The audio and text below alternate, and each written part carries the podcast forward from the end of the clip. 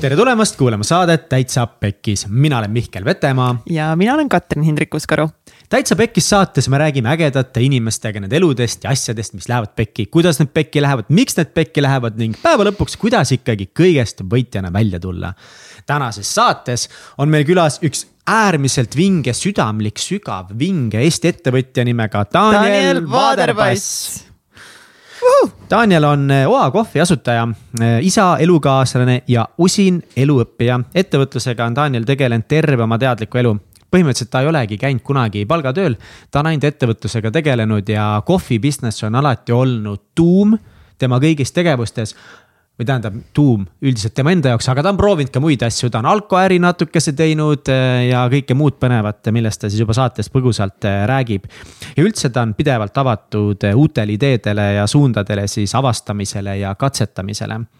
ja tema ise ütleb, et tema moto on saad pihta, siis tõuse püsti ja pane edasi ja see saade imeliselt kirjeldab tõeliselt seda motot.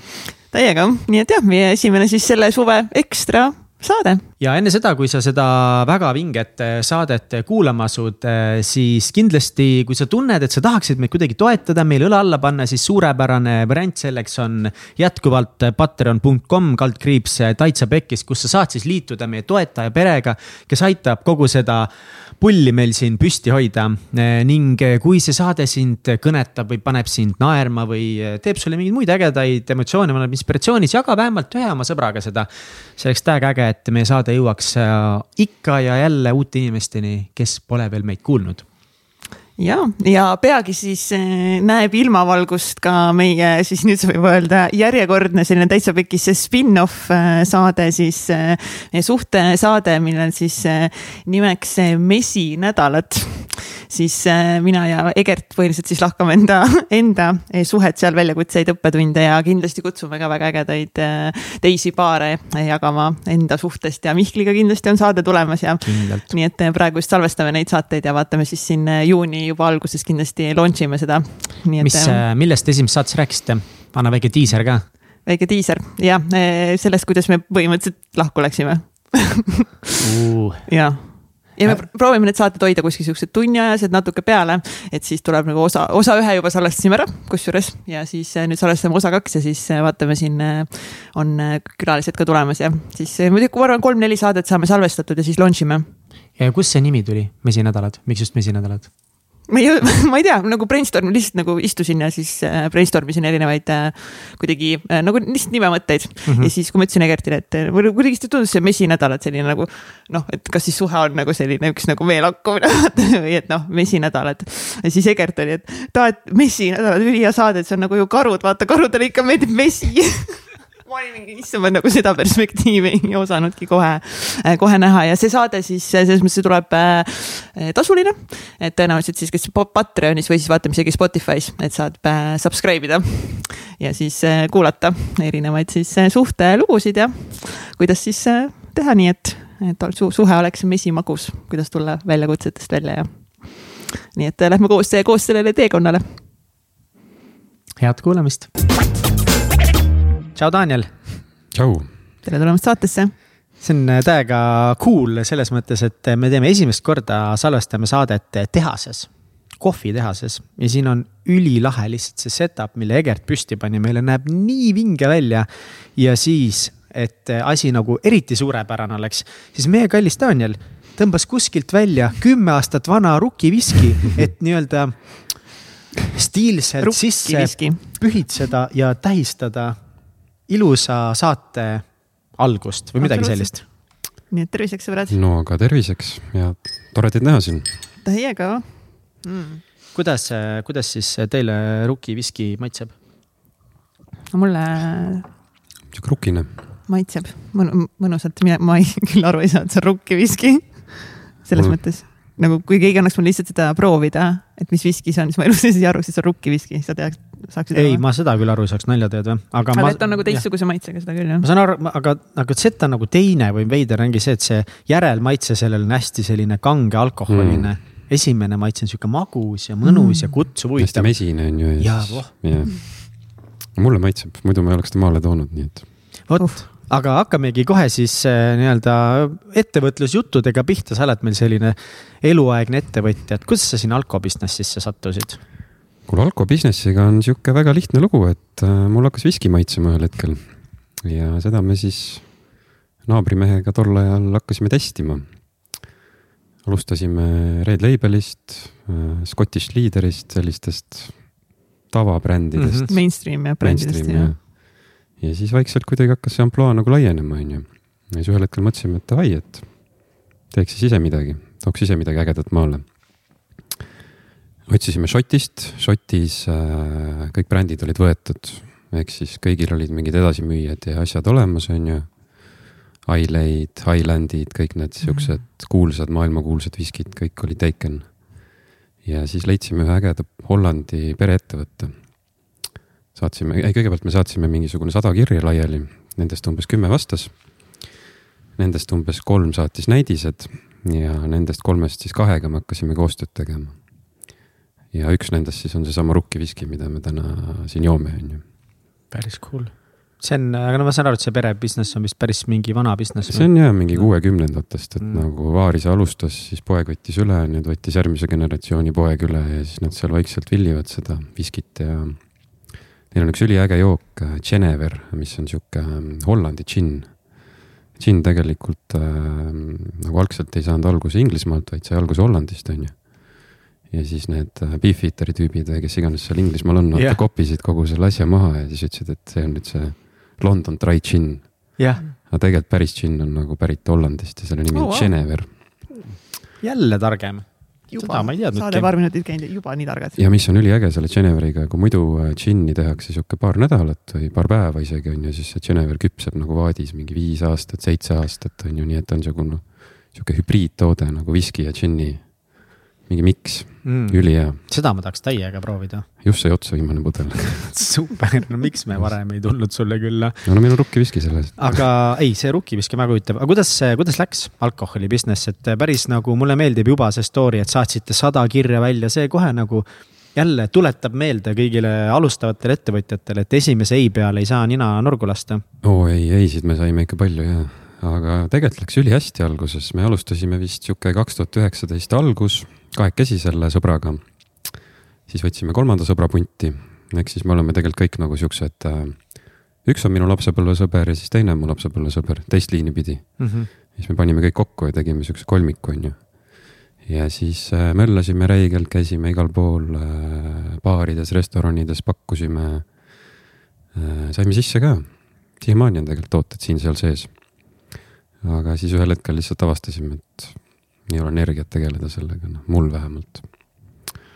ja koroona hittis ka muidugi, nii et eks see andis ka tunda no.. kujutan ette siis, et kui on energiat tegeleda, omast kogemust ma tean, et energiat ei ole üldiselt tegeleda siis, kui väga palju raha ei teeni asjaga et kui sa ikkagi raha teenid, siis on seda energiat ka ikka kuidagi nagu natukese rohkem. ei, raha me küll sellega ei teeninud, see oli ikka, see oli ikka puhtalt sihuke nagu lifestyle business, et. jah? et lihtsalt äge asi, mida teha. ja, ja, et noh, sul on oma ladu, vaata, vahepeal lähed lattu, võtad sealt väikse pudeli, mekid, kingid sünnipäevaks, on ju vahepeal müüd jälle paar pudelit, vaata. ja siis see on sihuke, noh, meie andmetel neid viskis ei ole kuskil Baltikumis saadaval.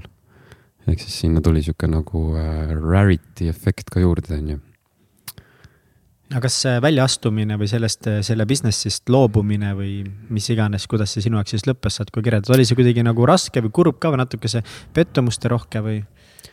tead, pigem ei olnud isegi selles suhtes, et ma nagu sain aru, et ähm, minu võib-olla see suurem why või see nagu suurem mingi tegutsemismotiiv on, ei ole alkohol, on ju mm. -hmm. et see ei ole nagu see suund, millega ma tahan ennast nagu pikas perspektiivis sihuke full siduda mm. -hmm. ja siis ma lihtsalt loobusin. jagasime laovarud laiali ja mul see kolmas sõber või teine sõber siis, kes mul teisena oli, tema siiamaani tegeleb sellega. ehk siis tema käest saab viskit head, kui soovi on. nojah no nüüd sinul siis ühesõnaga kogu selle asja tulemus sul on see, et sul on ka natukese nüüd veel viskit alles laos kuskil. mul on veits viskit, natuke džinni, meil oli seal natuke seda Geneveri, millest ma rääkisin siis.... mis sai just otsa? mis sai just otsa, seitsmeaastane, siis meil oli ähm, viina oli kusjuures, meil oli sihuke äge viin nagu Kafka vodka, mis on siis maailmas mingi top kümne auhinna saanud vodka. aga mis siis valesti nagu tegite, et äh, Rarity tõid välja maailma top tippviinad, väga huvitav viski, vana kõik, et miks see nagu business nagu suurelt käima ei läinud? tegelikult väga lihtne põhjus. Ähm, kui me räägime mingitest restoranidest, baaridest, siis kõik on seotud mingisuguste ilgelt äh, raskete lepingutega, et äh, ma ei tea, tuleb Liviko, viskab külmkapid, viskab serviisid, on ju, mis iganes, sada asja tasuta peale, vaata, meil ei olnud seda võimekust. aga kas see ei olnud kuidagi nagu kohe alguses päris nagu obvious või nagu sihuke nagu, et ilmselge, et ju kõigil juba on midagi, et. et, et kas te olite lihtsalt veits nagu sinisilmsed ja üldse nagu ei teadnudki, et nagu tegelikult pole kellelegi müüa seda või? meil oli väga lihtne mantra, meile lihtsalt maitses. me lihtsalt mõtlesime, et lähme selle tuhhi pealt edasi, vaata ja maitseski ja müüsime ka, aga nagu seda business efekti sinna juurde ei tulnudki lõpuni välja, et nagu mm -hmm. need olid üksikud butiikkohad, kes jaksasid osta meie toodangut, vaata, kuna see on nii kallis, on ju mm. -hmm. Need on ikkagi sihuke premium klassi tooted, et äh, me ei saanud sinna tavasegmendis, me ei olnud konkurentsivõimelised. ja neid butiikkohti on niivõrd vähe lihtsalt ja Horeca ajal äh, pooled nendest panid uksed, mis Horeca ajal, koroona ajal mm, -hmm. pooled neist panid uksed kinni, on ju. Mhm. et mis selle, siis... mis see õppetund on, mis sa kaasa võtad selle business'iga? Kuule, mu õppetund on tegelikult see, et see oli ülilahe business, et äh, igal juhul nagu tulevikus ma teeks täpselt sama asja uuesti okei, et see oli see midagi ka. hingele. see oli ja sel hetkel oli, sel hetkel see toitis mu hinge, vaata nüüd ma enam nagu seda ei teeks. võib-olla mul tuleb mingi uus drive mingi hetk, onju. aga sel hetkel, kui ma seda alustasin, siis see oli nagu ülilahe, see nagu mingi meie kamp. see, kuidas me seda tegime, vaata tegime ühe suure mingi demoürituse ka, kutsusime inimesi kokku, ostsime snäkid, onju, jäime, jäime räigelt miinusesse mingi paari tonniga. aga kõigil oli lõbus ja meil oli hea olla aga kas see tekitas mingeid konflikte omavahel ka nagu kuttidega, et jäite miinuses, et kes kui palju midagi kannab või omavahel nagu saite pigem hästi meil läbi? meil ei olnud ühtegi konflikti nagu terve see aja jooksul mm., et ähm, noh, tegelikult oli see, et kõigil olid vaata mingid oma põhitegevused olemas ja see oli kõigile nagu side business yeah ja see on see teine põhjus, miks me fail isime, et äh, ei olnud nagu seda ühte tugevat äh, tanki, kes seda asja veaks. sest kõik tegid seda tegelikult oma nagu põhiettevõtmise kõrvalt, on ju.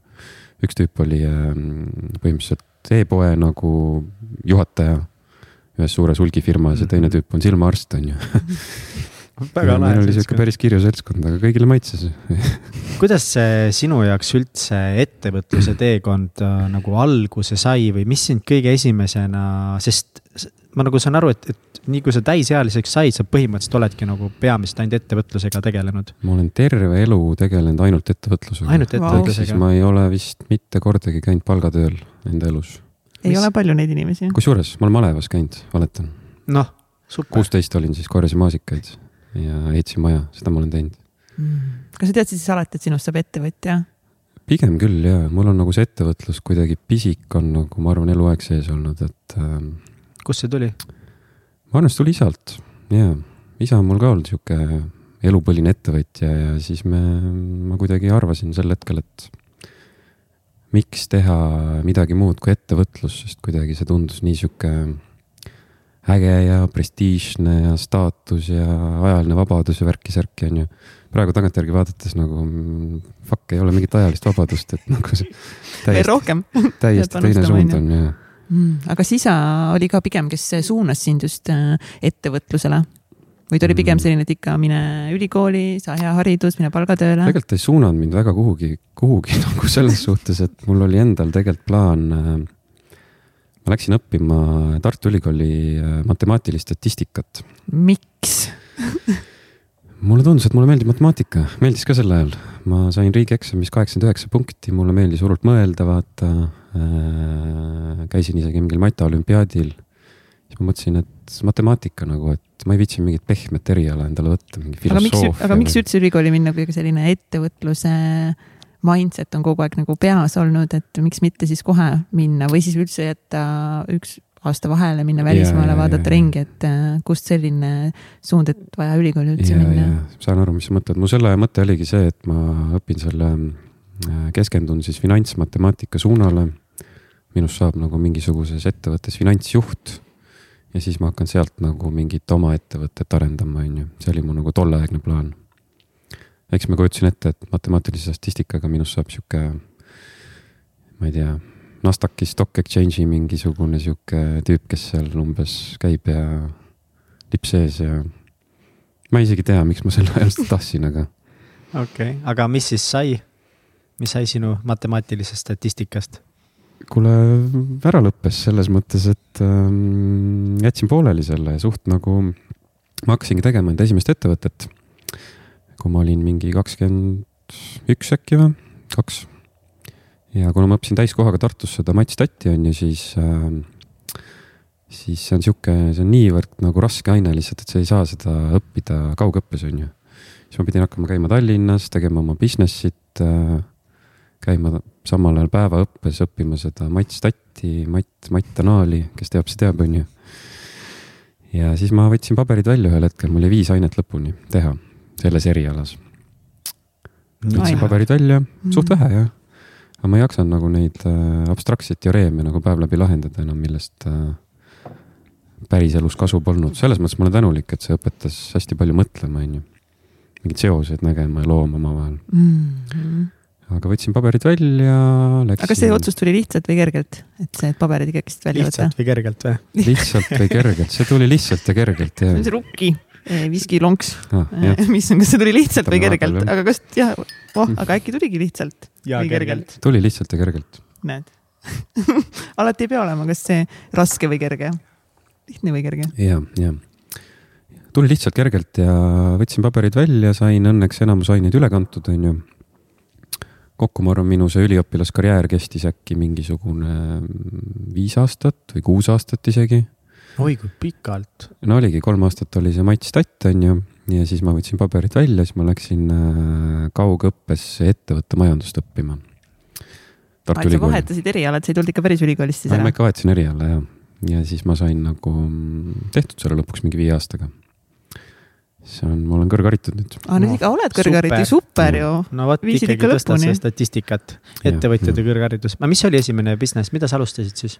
Äh, alustasingi kohviga tegelikult, see oligi meil alguses sihuke pere business, et äh, põhimõtteliselt me hakkasime nagu mm, isaga koos seda asja tegema, onju. Mm, tema poolt tulid siis nagu sellised tootmisvahendid, äh, sihuke infrastruktuur, minu poolt oli sihuke nooruse power ja tuhh ja mm, -hmm. ja energia ja kogu see nagu vedamise pool on ju aga kuidas see nagu algas, kuidas just see nagu kõik see alguse sai, et kas te ühel päeval istusite maha, kuule pojad, sa oled nüüd piisavalt vana või sina läksid. kuule paps, et ma tahaks kohvi business'it teha, sina oled juba ettevõtluses, sul on nagu rohkem vahendeid, kogemust, et teeme koos või kus see kõik algas? ma arvan, ta vist ise kutsus mind sinna selles mõttes, et ta ise nagu otsustas, et äh, võiks ise kohvi röstida, on ju, kuna ta oli ise juba kohviga tegelenud veits. ja siis äh, mõtlesime, et äh, hakkame koos nagu kohvi röstima. alguses seal oli üks teine mees veel mängus, kes mind siis nagu õpetas röstima välja. ja siis ühel hetkel see teine mees lahkus areenilt ja siis me jäimegi sinna nagu kahekesi ja hakkasime run ima seda kohvi business'it. ja mis olid teie kohvi business'i nagu esimesed eesmärgid või et mida te tahtsite teha, mis oli see, mida te tegite täpselt? see oli sel ajal nagu nii äh, tundmatu maailm, vaata, ma olin just tulnud kuskilt ülikooli pingist, ma nagu põhimõtteliselt ma ei teadnud mitte muhvigi, onju ja siis ühel hetkel ma olin nagu mingisugune mm, firma omanik, on ju.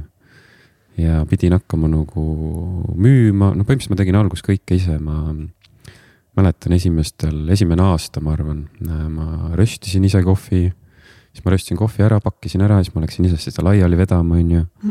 samal ajal ma tegin raamatupidamist, kuna mul oli see nagu matt, mattharidus olemas, ma numbreid veits oskasin, vaata tegin raamatupidamist ise, tegin müüki ise, no puhtalt sihuke one man show.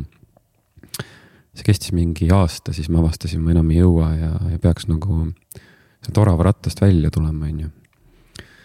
peaks kasvama, vaata ja siis ma võtsin äh, inimese, röstija aga teie, teie nagu fookus tollal oligi nagu röstida kohvit, nagu oma kohvibränd oligi see, millele te keskendusite, teha ja, mingit kohvi. meil oli oma, oma Eesti kohvibrändi tegime, proovisime sisse saada, siis alguses me ei teadnudki isegi, kuhu me sisse saame, me mm -hmm. lihtsalt proovisime igale poole müüa nagu selle argumendiga, et see on sihuke värske Eestis tehtud kohv, on ju.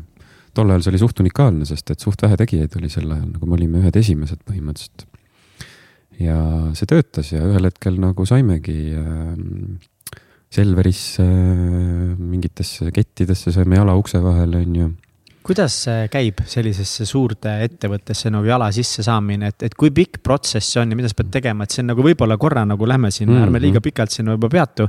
aga noh, ma tean, et meie saadet kuulab ka väga palju inimesi ja noori ettevõtteid, kes just ka mingit asja toodavad mm, -hmm. mida võiks tegelikult müüa ju, noh, unistus ongi kuskil suurtes poodides mm -hmm. ja nii mhm. edasi see on tegelikult päris sihuke pain in the ass protseduur, et mm. äh, sisuliselt on see, et suurtel kettidel on nagu mingid sortimendiaknad, on ju ehk siis sa võid teha neile kas siis, ma ei tea, üks-kaks korda aastas pakkumisi. siis sa pead äh, täitma siuksed hästi suured kirjud tabelid ära, tegema neile pakkumise, samal ajal viima tootenäidised.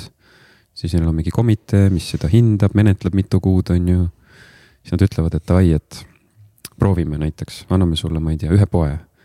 Ühe väikse selle riiuli näokese seal, on ju jaebusiness'is kutsutakse neid nägusid äh, facing uteks, et nagu mida, mitu, mitu facing ut sul on, siis näiteks kui sul on kuus facing ut, siis sul on kuus toodet laiuses üksteise kõrval, on ju.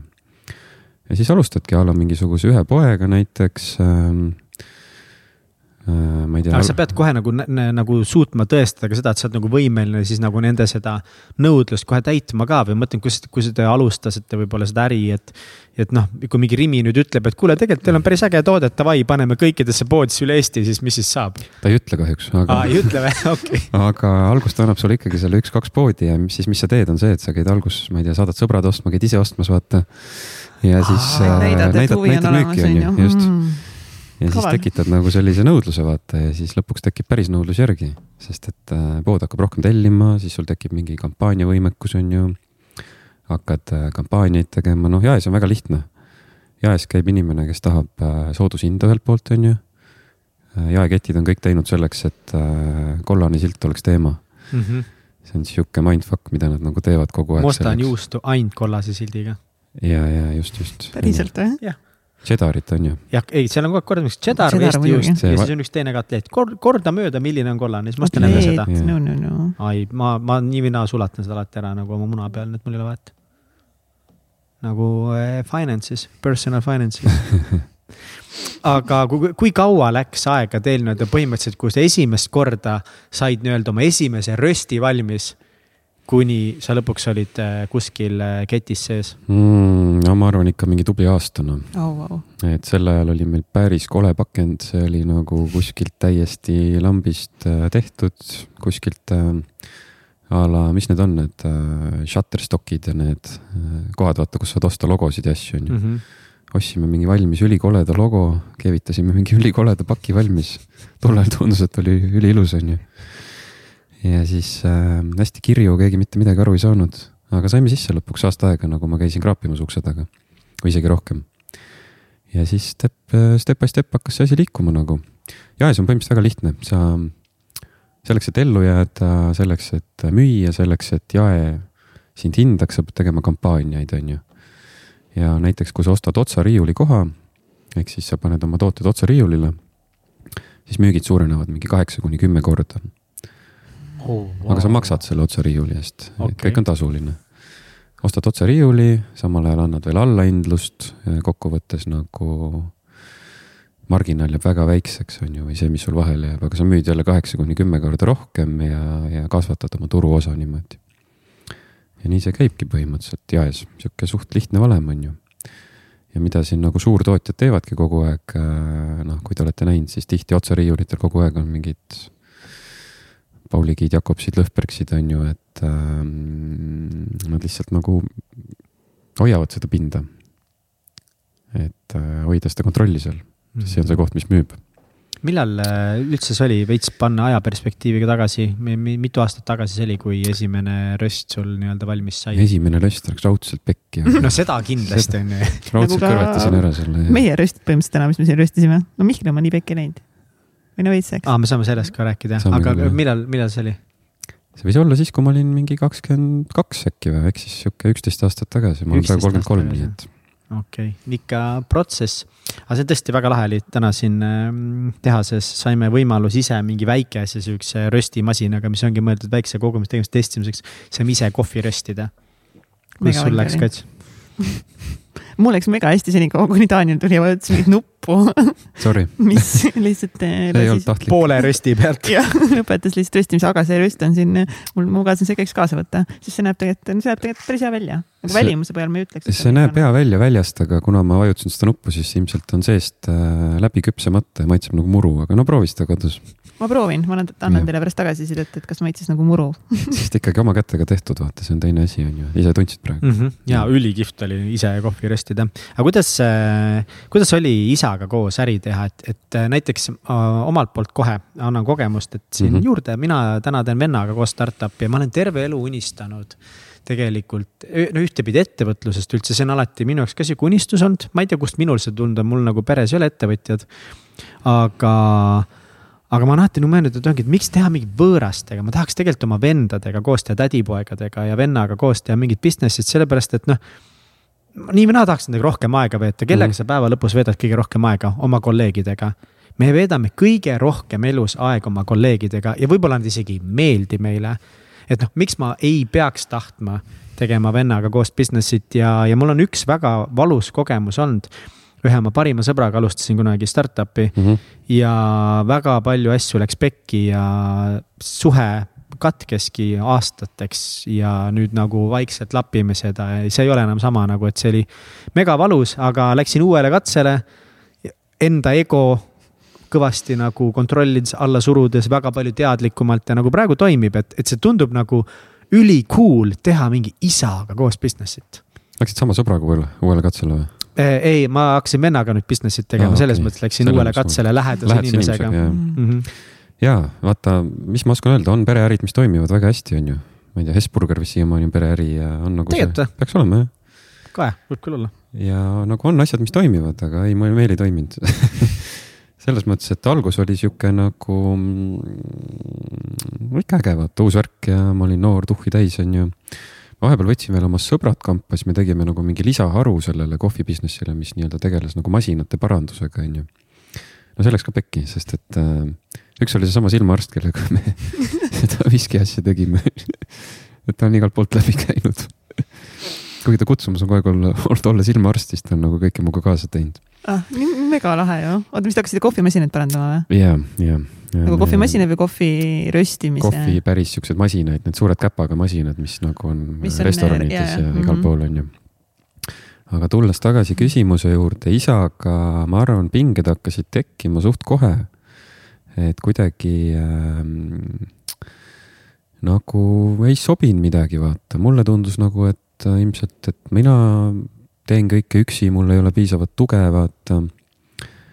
Ma arvan, et tal jälle tundus nagu võib-olla teistpidi kuidagi on ju mm, -hmm. ma ei, Mhm. ma ei oska öelda, mis talle tundus, aga see on noh, kindlasti see on nagu ka sulle võib-olla nagu keeruline asi, mida jagada ja see on ka nagu väga delikaatne, sest me räägime alati nagu ühest poolest, et sinu isal on nagu omad seisukohad, oma nägemus, eks ole, asjast Mm. mm. ja tema nagu teine pool ja jah, Ja ja ma- alati on viiskümmend, viiskümmend ikka koos nagu oleme loonud ükskõik millise suhte. Just väga hästi öeldud, et, et see on alati nagu fifty-fifty, aga, aga noh, proovi nagu natuke võib-olla jagada jah, nagu lihtsalt oma seda poolt, nii nagu kuidas sina nägid, et mis need nagu sellised peamised põrkealad olid? Äh, põrkumine tekkis tegelikult siis, kui me, kui meil hakkas hästi minema ikkagi onju. et kui meil hakkasid tekkima nagu reaalselt mingid numbrid, mingid käibed, ma olin saanud nagu kõva müügitöö tulemusel meid mingitesse kettidesse sisse onju. Siis tundus ühel hetkel kuidagi, et ähm, isa tahtis nagu seda asja kontrollima hakata või tahtis kontrolli haarata kogu selle asja üle. ja mulle see ei sobinud, ma noh, mina jälle tundsin nagu, et mina olen selle asja vaata üles ehitanud, onju ja siis äh, asi päädiski sellega, et äkki mingi kolm aastat pärast tegevuse alustamist või midagi sellist ähm, tegi ta ühe siukse päris nästi lükke ja siis mina tegin sellise vastulükke ja siis me mm, lõpetasime kohtus. Te läksite oma Läks- isaga läksid kohtusse me. läksime kohtusse ja, kus me siis olime sihuke, ma arvan, poolteist kuni kaks aastat jaurasime seal kohtus erinevate asjade üle, et ähm, et meil tegelikult ähm, see esimene, põhimõtteliselt oli nii, et ähm, seda esimest vist kohtuprotsessi või, või selle esimese hagi nagu tegin mina, onju. sest ma tundsin, ma pean enda õigusi kaitsma. See kestis mingi aeg, siis me saavutasime nagu a la mingisuguse sellise konsensuse. lõpuks mind nii-öelda sunniti sealt äh, justkui siis lahkuma ja, ja noh, välja, mind osteti välja põhimõtteliselt mingi sihukese sümboolse summa eest, on ju. ja ma muidugi panin kõrvalt oma röstimistöökoja püsti juba, aga siis äh, tuli teine kohtuprotsess peale, sellepärast et ma rikkusin lepingut, et äh, meil oli sihuke konkurentsipiirangu leping. et ma ei tohtinud enne seda hakata müüma mm ja mida ma ei teinud, ma ei müünud otseselt, aga ma saatsin nagu põhimõtteliselt äh, poodidele mingisuguseid meile, et, et umbes, et varsti on tulemas, varsti hakkab, vaata, ma olen varsti valmis tegema comeback'i, on ju mm.. ja selgus, et äh, me vist ikka üht, ühte kohta panime need tooted püsti, ma arvan, äkki see oli mingi väike pood, kaubamaja või midagi. Ja juriidilises maailmas seda juba siis meili saatmist käsitletakse nagu müügiprotsessi alustamisena okay ja siis hakkasid juristid vaidlema ja siis ma põhimõtteliselt kulutasin hästi palju raha, isa ka ilmselt mhm. kindlasti jah. et sisuliselt pool kohe sellest nagu väljaostusummast läks noh juristide peale, juristid võitsid ikka, nagu mulle meeldib öelda, on ju. ja lõpuks siis äh, see oli siis see teine protsess, mis kestis ka mingi pool aastat või aasta. Et kõigepealt te nagu nii-öelda vaidlesitegi siis kui te olite koos ettevõttes nii-öelda põhimõtteliselt ettevõtte kontrolli üle, kes seal on, siis mitte, et pärast te vaidlesite konkurentsi üle, et kes siis mida, kas võib müüa, ei või müüa. ja just, just. aga kuna, räägi. kuna me olimegi viiskümmend, viiskümmend, ma veel ütlen mm -hmm. selle ära, siis ja. minu lihtsalt soovitus see, et ärge kunagi tehke äris viiskümmend, viiskümmend. aga see on nii klassik nagu selles mõttes, et nagu see lugu tegelikult, kui me jätame nagu välja selle, et oli su isa, on tegelikult nagu nii nagu tihti juhtuv, et ongi viiskümmend, viiskümmend äri, eh, founder'id eh, lähevad tülli sellepärast, et. Eh, üks arvab, tema panustab rohkem, teine arvab, tema panustab rohkem. ja siis lõpetataksegi kohtus, et selles mõttes lihtsalt teil oli see, et oli sinu isa. meil oli sellist isaga ja, ja täiega karm, aga enne seda, kui te kohtusse läksite, sa ütlesid, et tegelikult nagu konfliktid hakkasid algusest peale nagu välja tulema mingisugused. kuidas see nagu mõjutas teie pereelu või, või kas teil üldse oli nagu mingi pereelu, mis, kui ma ise mõtlen nagu kasvõi ka, et noh, et on mingid jõulud, on mingid tähtpäevad, on mingid sünnipäevad, kus nagu pere tuleb kokku, kus, kuidas teil oli, kas te olite nagu, olite pere üldse? no me olime ikka selles mõttes nagu pere, et äh, kuigi mu vanemad on nagu mitu korda lahku läinud edasi-tagasi mm. on ju mitme ringiga, siis ähm, noh, meil olid ikkagi mingid ühised istumised, lihtsalt viimastel aastatel äh, olid need nagu erinevates siis äh, leibkondades on ju, et oli siis nagu isapoolne ring ja oli siis nagu emapoolne ring. mingi aeg oli, kus nad siis nagu olid ka koos nii-öelda on ju. ja aga üldiselt nagu isaga on meil alati olnud sihuke kuidagi hästi, pigem sihuke kauge ja distantsiline suhe on ju. et et, et kunagi ma arvasin nagu, et, et mu isa on ettevõtja, vau, ma vaatasin talle alt üles, on ju. praegu, kui ma vaatan nagu tagantjärgi, siis tegelikult nagu tema elu, noh, noh minu hinnangul hetkel, see on minu hinnang, on ju, aga on olnud hästi töökeskne. tööärid on ju kogu see sihuke soojus ja nagu selline asi on olnud tagaplaanil.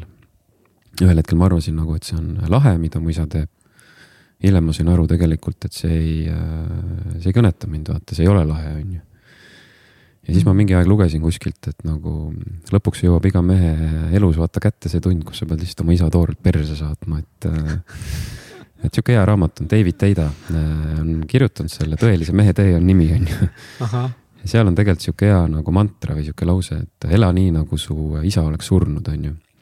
ja selle mõte tegelikult tähendab seda, et sa ei, noh, loomulikult sa ei soovi enda isa surma. aga mõte on lihtsalt selles, et sa elad oma elu, vaata, mitte sa ei ela kellegi teise jaoks poistel, ilmselt just poisslastel tihti on see teema, et nad äh,, isa on nende elus suur mõjutaja, on ju, mhm. ja nad ja. võivad hakata elama enda isa nagu äh, varjus olevat elu kas isa varjus või ka teistpidi hoopiski, et nagu teevad väga palju otseselt selles, et tõestada ennast, et tõestada ennast isale, et teenida mingit yeah. armastust ja poolehoidu, millest yeah. on nagu yeah. puudu jäänud, et ma ise tean, et väga palju sihukest tähelepanu vajadus, kõik tuleb sellest, et nagu ennast kuidagi tõestada, nähke mind, olge minuga. aga kuidas see nagu sind no vot, mul oli ilmselt sama ettevõtja. kuidas see pojana ja, ja nagu mehena sind mõjutas? ka näiteks see, et, et te teete äri koos, aga sa tunned, et nagu tema võib-olla tahab kontrolli sult ära võtta ja kõik see ei no kindlasti mõjutas selles mõttes, et sel hetkel ikkagi nagu, kui ma ärisse läksin, siis ta oli mul ikkagi sihuke eeskujufiguur on ju ja. ja kindlasti mul nagu see, võib-olla alateadlikult oli mul ka see, seesama case vaata, et ma tahtsin nagu olla ettevõtja, sellepärast et äh, tema oli ka ettevõtja, on ju.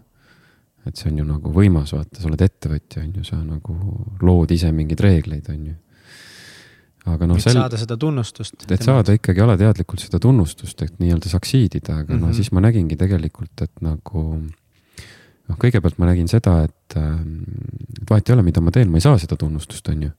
ja teine etapp oli see, et lõpuks ma sain aru, et fuck, et ma isegi ei taha seda tunnustust, sellepärast et see, see ei anna mulle midagi, see on, need on valed väärtused minu jaoks, on ju mm.. ja, ja jah, et pinged tekkisid suht alguses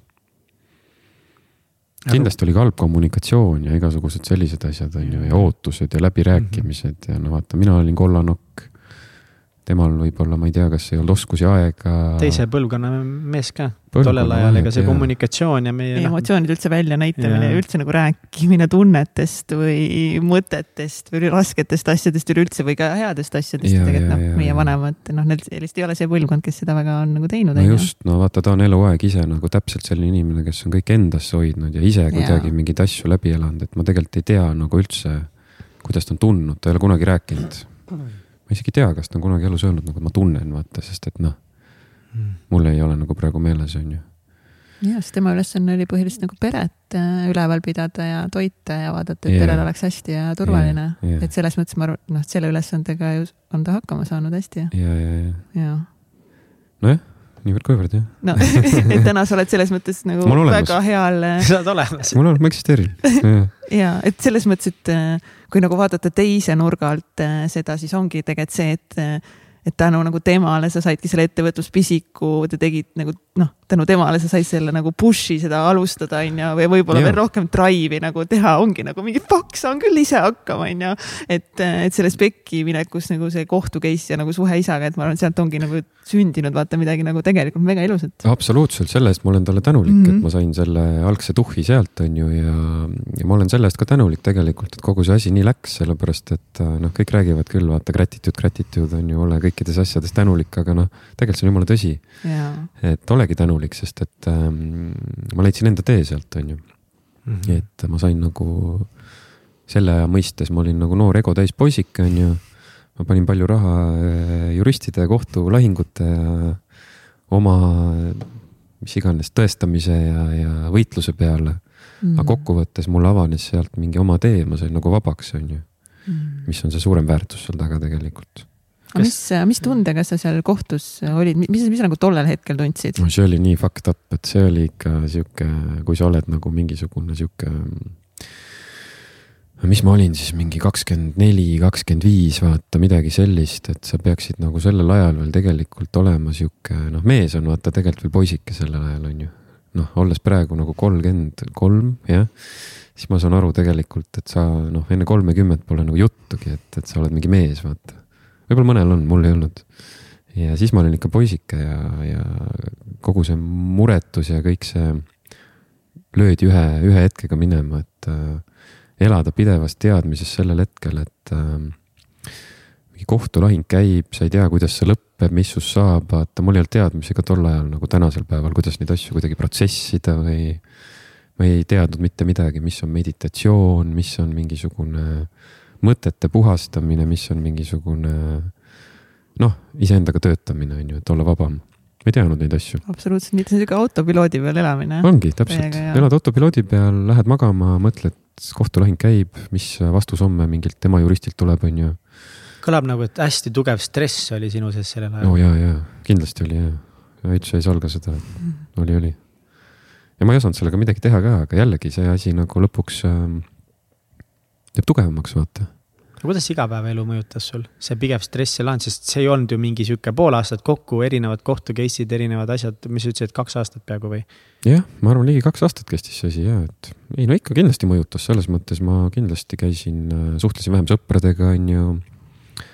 Äh, mul oli just sellel ajal tegelikult ähm, kui need kohtu case'id hakkasid, mul oli äh, laps sündinud, on ju ja me läksime tegelikult just nagu oma tollase elukaaslasega lahku umbes samal ajal või noh, nat-, natuke varem tegelikult.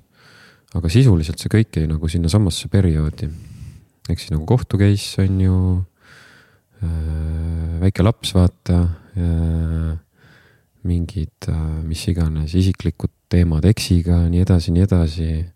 See kompott oli päris kirju. sa said ikka noh, korralikult ma sain ikka siuke nataki elult nagu korralikult vastu, vastu mõlemat põske sel ajal onju. oota, aga mis, mis business'id või mis sa samal ajal tegid, kas sa said seda ko ikka kohvi asja teha või seda üldse ei saanud siis samal ajal teha või no, kuidas see kohtu case käis? kaks tuhat viisteist ma tegingi uue siis iseenda selle röstikoja see oli sellel ajal oli sihuke momendilt või hoobilt tulnud nagu ettevõtmine ja siis nimeks saigi Momentus OÜ onju kuna see asi tuligi nagu momendi pealt ja siis ma tegin sellise triki, et ma võin sellest rääkida, sest see on, ma olen siiamaani veits uhke selle üle, aga põhimõtteliselt nagu need äh, oad, kohvioad, siis rohelised oad olid mu selles isa äh, laos. Äh, kuna meil ettevõte oli viiskümmend, viiskümmend, siis tegelikult me võisime mõlemaid, mõlemad neid ube nii-öelda röstida. ja kuna tema oli nagu nii-öelda mind sealt välja süües mõelnud välja skeemi, et, et kuna röster oli tema oma siis tema justkui osutab röstimisteenust. siis mina ostsin äh, oma rösteri, on ju. ja ma mõtlesin ka, et ma hakkan siis röstima või osutama röstimisteenust, kuna meil oli see viiskümmend, viiskümmend, keegi ei saanud öelda, kes peab seda röstimisteenust osutama. ja siis üks õhtu me vist, mul olid veel need võtmed alles, me hiilisime kell kolm öösel, ma vaatasin veel luurasime autos mingi viis tundi, vaata, isa tegi jube kaua tööd, mõtlesin, fuck, mine ära, mine koju, onju. tüüp istus mingi kella üheni seal kontoris, vaata, tuli põles lõpuks, lõpuks läks minema, siis me hiilisime mingi kell kaks sinna lattu. Ehm, põhimõtteliselt kaaperdasime kõik koad. Ehm, tellisin ühe kaubiku, viisime siis nii-öelda minu uude tehasesse. ja siis hommikul esimene kõne tuli, tuli, tuli siis isalt, et kuule, et kas sa oled öösel laos käinud, ladu oli täiesti tühi, vaata siis me hõivasime nagu kõik koad ja viisime meie latta ja ma tegin äh, ise siis enda uue firma ja siis selle äh, meie ühisfirma vahel röstimisteenuse lepingu samaväärse, ei ma tegin natuke odavama, sest ma pidin ju näitama, et mul on paremad turutingimused yeah. juristide jaoks. ehk siis, kui tema küsis näiteks kaks euri kilo pealt, siis ma panin üks kaheksakümmend onju. Vau, siuksed mängud jah. jah mm.. aga mis sa ütlesid talle selles telefonis, selles kõnes, kuule, et kus oad on, mis sa ütlesid talle? kuule, sel ajal ma ütlesin, mis asja, ma ei tea midagi onju. oligi nii jah? alguses ütlesin jah ma ikka tahtsin, et ta natuke praeks seal vaata yeah, ja yeah. siis äh,. siis ta vist andis selle politseisse, aga noh, politsei ei saa midagi teha sellises olukorras, kuna see on täpselt võrdne, viiskümmend, viiskümmend ja mhm. mõlemad on juhatuse liikmed ja kellelgi ei ole legaalset õigust, mõlemad võivad seda teenust pakkuda, on ju mm. -hmm ja siis meil nagu sihuke hakkas sihuke kassi-hiire mäng pihta ja läbirääkimised ja muud asjad ja siis ma hakkasin talle seda röstimisteenust osutama lõpuks mingi kokkulepitud tingimusena ja. ja siis lõpuks tuligi see buy-out on ju ja pärast seda siis see uus, äh, uus case, millest ma juba rääkisin, vaata mm. -hmm. aga kas sa nägid siis kogu aeg ikkagi ennast, ennast selles kohviäris edasi tegutsemas? nägin küll ja, sest ma tundsin, mul on nagu nii palju potentsiaali tegelikult realiseerimata, et ma tundsin nagu, et mind on kuidagi äh, alla surutud ja, ja ma ei, ma ei tundnud seal ennast nagu oma vibe'is või oma elemendis, on ju. ma tundsin, et ma tahan nagu ise teha oma mingite äh, väärtuste või nägemuste järgi seda asja. aga kohv oli nagu kirg ikkagi? Kohv oli kirg mm. ja, sest et äh, kohv nagu noh, tänasel päeval ma olen seisukohal, et, äh, sina ei vali kohvi, kohv valib sinu, on ju. sest kohv on nagu ähm, tegelikult kohv on vanem kui me kõik siin kokku, et äh, noh, kohvitaim, vaata kohvi hakati ju jooma tegelikult juba varasel keskajal on ju, avastati nagu selle kohvi mõju legend on see, et üks kitse karjus äh, Etioopiast siis nagu kitsed sõid neid taimi vaata ja siis äh, tüüp avastas, oh et kitsed on jube erksad kuidagi ja siis äh, sealt nagu sai see kohv kuidagi tähenduse. ja noh, mis mulle meeldib selle kohvi juures, mida ma tahan ka teha tänasel päeval tegelikult on see, et kohv on saanud kahjuks sellise nagu äh, maine, et davai, et tanklas tõmba pool liitrit sisse, saad pool liitrit tasuta peale, et rahuldada oma mingit kofeiinisõltuvust, aga tegelikult algselt kohv on nagu palju enamat, ta on sihuke rituaalne, sihuke sotsiaalne jook on ju, inimesed istusid lõkke ümber, rüüpasid kohvi, rääkisid juttu. ta oli sihuke seltskonna rituaalne jook ja ta on väga suure energeetikaga jook, on ju, hästi vana ancient jook ja ma tundsin, et mul on nagu, ma austan kohvi.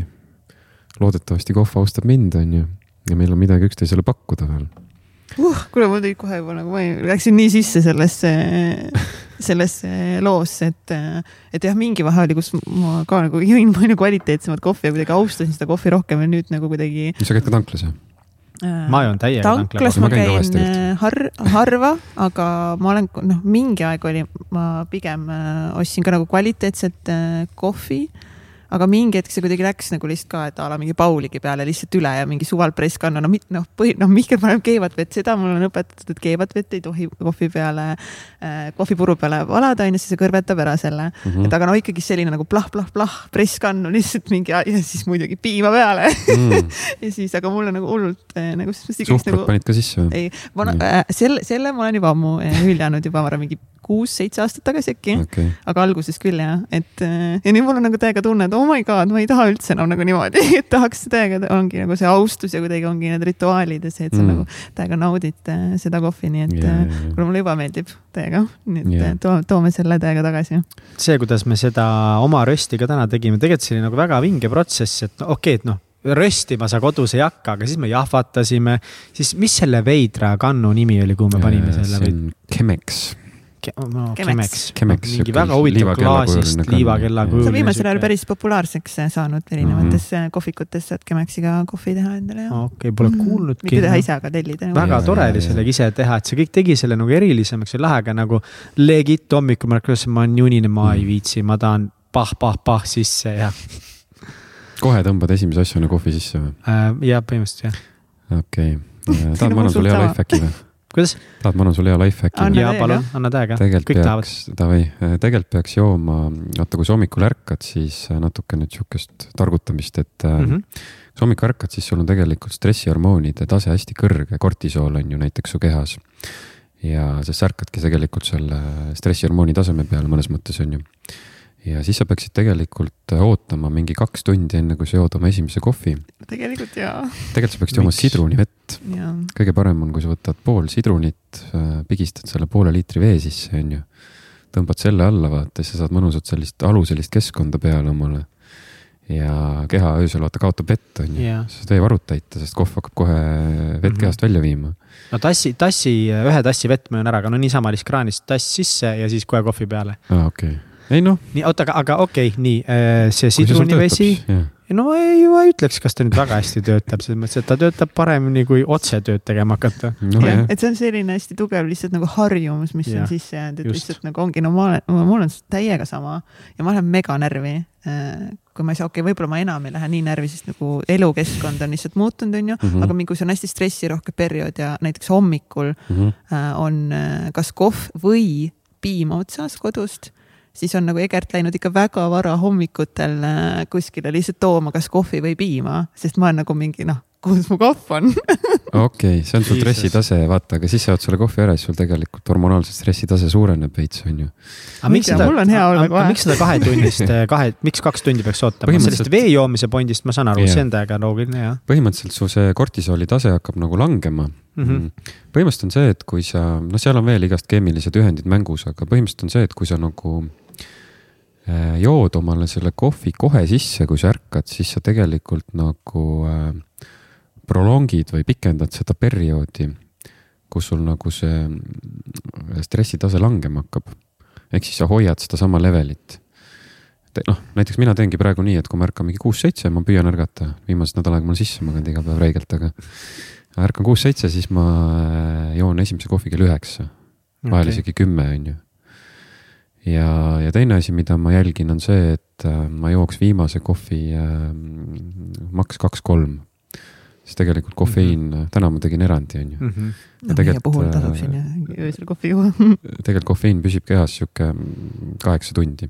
ja, ja see on hästi pikk aeg, seda ma Ja ka- kuulsin sealt Matt Walkeri raamatust, ütles samamoodi, et noh, et, et kui pikk see nagu kofeiini lahustumine ja, Jah. ja lõhkumine Jah. kehas on, et, et täpselt ma, ma mingi hetk nagu päris hästi vahepeal vaatasin seda samamoodi, mingi, mul oli vist kell kolm või kell neli arutasime, sest ma lähen hästi hilja magama mm. Mm. ka. et siis sealt edasi ma nagu ei kas tarbi see vastab tõele, et, et ongi, et kui sa jood veel piimaga kohvi, siis see kestab sul nagu veel kauem kehas? kuidagi ma mingi, võib-olla see on müüt, aga ma no olen piimaga vaata juues on lihtsalt see, et nagu sa saad rasva ka endale peale ja võib-olla see kohvi nagu imendumine ei ole nii straightforward, vaid ta on nagu veits sihuke aeglasem, on ju. kuna rasv nagu veits äh, aeglustab seda protsessi. ja, ja, ja rasva on eh, näiteks, mis ma. Bulletproof kohvi näiteks. mis ma gümnaasiumi ajal tegin hästi, oli see, et võtsime supilusikade ja toiduõli enne kui me pummeldama hakkasime poistega ja, võtsid ja võtsid, kuulnud, suure, suure lusikatäie äh, toiduõli sisse mm. ja siis hakkasime noh jooma mingi gümna-, gümnaasiumi ajal ja siis sai nagu palju kauem läks aega, et nagu väga purju jääda. et sai nagu rohkem juua justkui. okei okay. kusjuures sellest huvitav. rääkides mul tuli meelde, et ma tõin ju vahepeal maale veel äh, Õli. ei, õli ma ei toonud maale.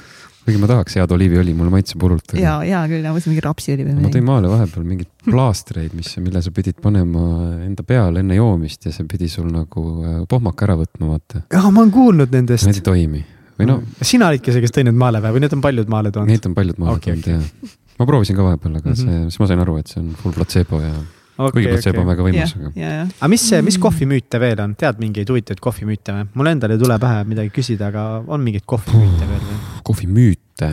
või mingeid valearvamusi kohvist või mingeid huvitavaid fun coffee facts'e, enne kui me su business'iga edasi lähme?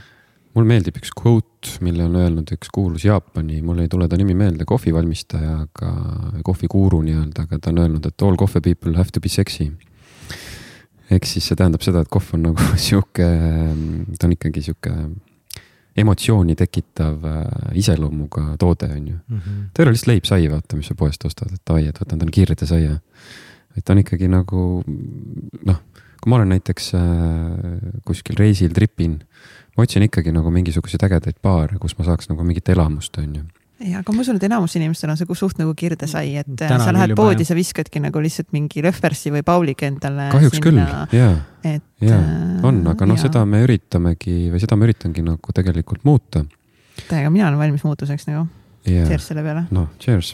minu äh, kohvi, ilusad kohvilood näiteks, selles mõttes ma olen terve elu kohvi väga armastanud ja ma küll tõesti naudin seda rohkem siis, kui see on mingis väikses vahvas kohvikus tehtud. ma nüüd kohvi kvaliteedist, sellest ma absoluutselt nagu ei räägi, aga lihtsalt nagu see, et, et ongi, ma käisin Hispaanias, käisin seal Camino teel äh, matkamas ja iga päev seal ma jõin küll esimese kohvi ikkagi niimoodi, et ma hakkasin hommikul mingi kell kaheksa hakkasin kõndima Mhm. ja ma arvan, et mingi esimesse külla ma jõudsingi võib-olla kas üheksa või kümme, mõnikord kell üksteist. Mhm.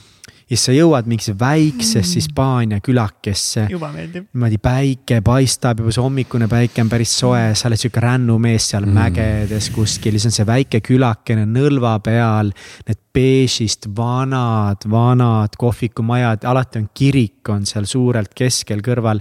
siis ma läksin sinna kohvikusse, seal on kolm vanameest, kes kõik söövad seda Mm. saia ja siis läksin sinna leti taha ja un café americano por favor mm.. ja siis ta oli grande, si grande ja annab selle mulle see noh, täis tökat, noh, no jumal teab, kus see, see vana Pablo teeb seda, ta on seitsekümmend kolm ta on viisteist aastat seda kohvikut pidanud, sest tal naine suri ära ja ta annab sulle selle kohvi ja, ja see on, ja siis ma hommikuti vist õlut kõrvale ei võtnud, aga lõunal ma võtsin alati õllega kõrvale ja siis ma võtsin selle kohvi, istusin välja. noh, mingi plastmasstool, alumiiniumist laud kiriku kõrval, panin selle kohvi sinna, see must, tugev aroom lööb Mm. ninna ning ma vaatasin roheline mägi Mm. mm., puud ja need beeži krohviga külamajakesed ja jõin oma cafe americanot seal ja ma ütlen sulle, see oli elu.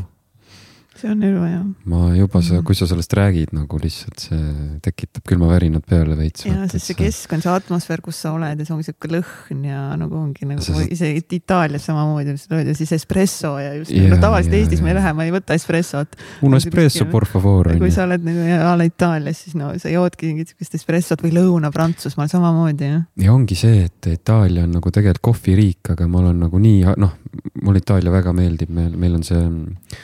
Naisega meil samamoodi on see nagu sihuke go to place, me käime seal vähemalt kaks korda aastas, on ju. ja, aga ma ei ole seal kunagi põhimõtteliselt saanud head kohvi. sest et nad on ise kohviriik, espresso sünnimaa. teate muide, kust tuli nimi Americano või? aa, no tähendab teise maailmasõja ajal ameeriklased raudselt ei suutnud juua seda espressot ja ütlesid, et pane vett juurde. just, just, lahendasid seda veega ja sealt Jah. tuli nimi Americano.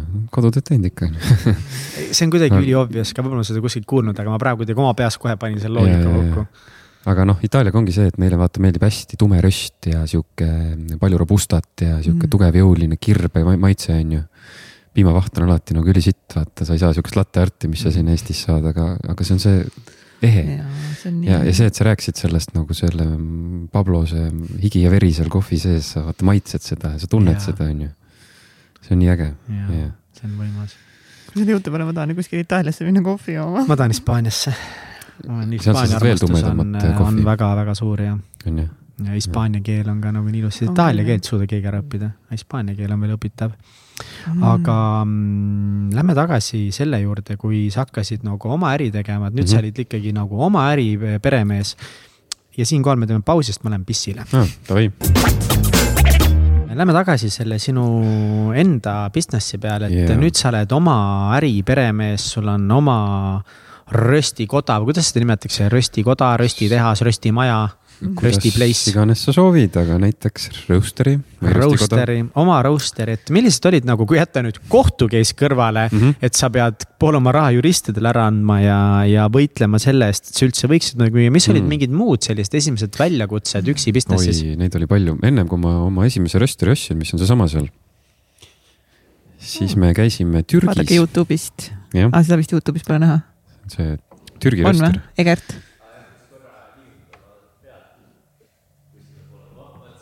paistab see väike on ju. jah, vaadake, vaadake Youtube'ist näete. see on siis äh,, enne seda meil oli trip Türki ja, ja see oli üliäge trip, et äh, mu esimene viimane Türgis käik siiamaani elus. ma võtsin äh, oma vanast business'ist äh,, haarasin kaasa ühe röstija, kes on siiamaani töötab siin, kes on minuga nii-öelda käinud kõik need erinevad etapid kaasa, sihuke hästi tore lojaalne inimene. Temaga koos me käisime Türgis äh, seitsmepäevasel tripil, siis kolm päeva veetsime selles tehases ja ülejäänud neli päeva chill isime Vahemere ääres ja see oli päris mõnus, aga mm, väljakutsed hakkasid kohe pihta, et äh, algus ei osanud rösterit üles panna, röster töötas, töötas tagurpidi, ehk siis selle asemel, et nagu röster peaks selle, vaata, kui sa nagu kood ära röstid, siis, siis ta peaks nagu tõmbama ubadelt selle suitsu või selle nagu äh, soojuse välja. Nad on kuumad ju tulevad on ahjust ja, nii-öelda ja. siis kuumus imetakse nagu läbi selle toru niimoodi välja. peavad olema põhimõtteliselt kahe-kolme minutiga nagu leiged, vaata nagu sa katsusid täna onju. hästi kiiresti läks muidu ta küpseb edasi, vaata. meil alguses käis see teistpidi, nii et ta ei ajanud mitte kuuma välja, vaid ajas kuuma sisse ja siis sealt röstimispannilt lihtsalt tuli nagu auru üles onju. siis me saime aru, et tuleb lihtsalt faasid ümber vahetada elektripaneelis. tegime selle ära.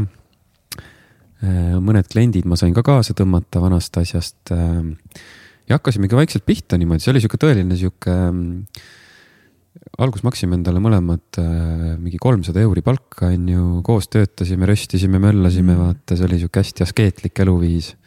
vahepeal magasime röstikojas lihtsalt äh, väikse kümnekilose rösteriga tuli mingi neljasaja kilone tellimus, sa teed seda ikka nagu terve päev, on ju. meil ikka nagu mingid siuksed suur, mõned suuremad kliendid jäid Mhm.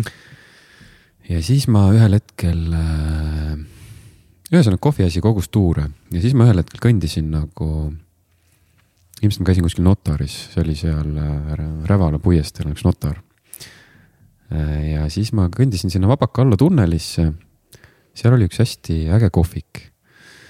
ma läksin sinna, tüüp oli hullult jutukas, hakkas minuga seal juttu rääkima, ma rääkisin vastu, võtsin espresso, jube hästi maitses, on ju, ja ja kuidagi asi läks nagu kerima ja siis ma hakkasin ühel hetkel neile kohvi tegema, nad hakkasid mult ostma kohvi.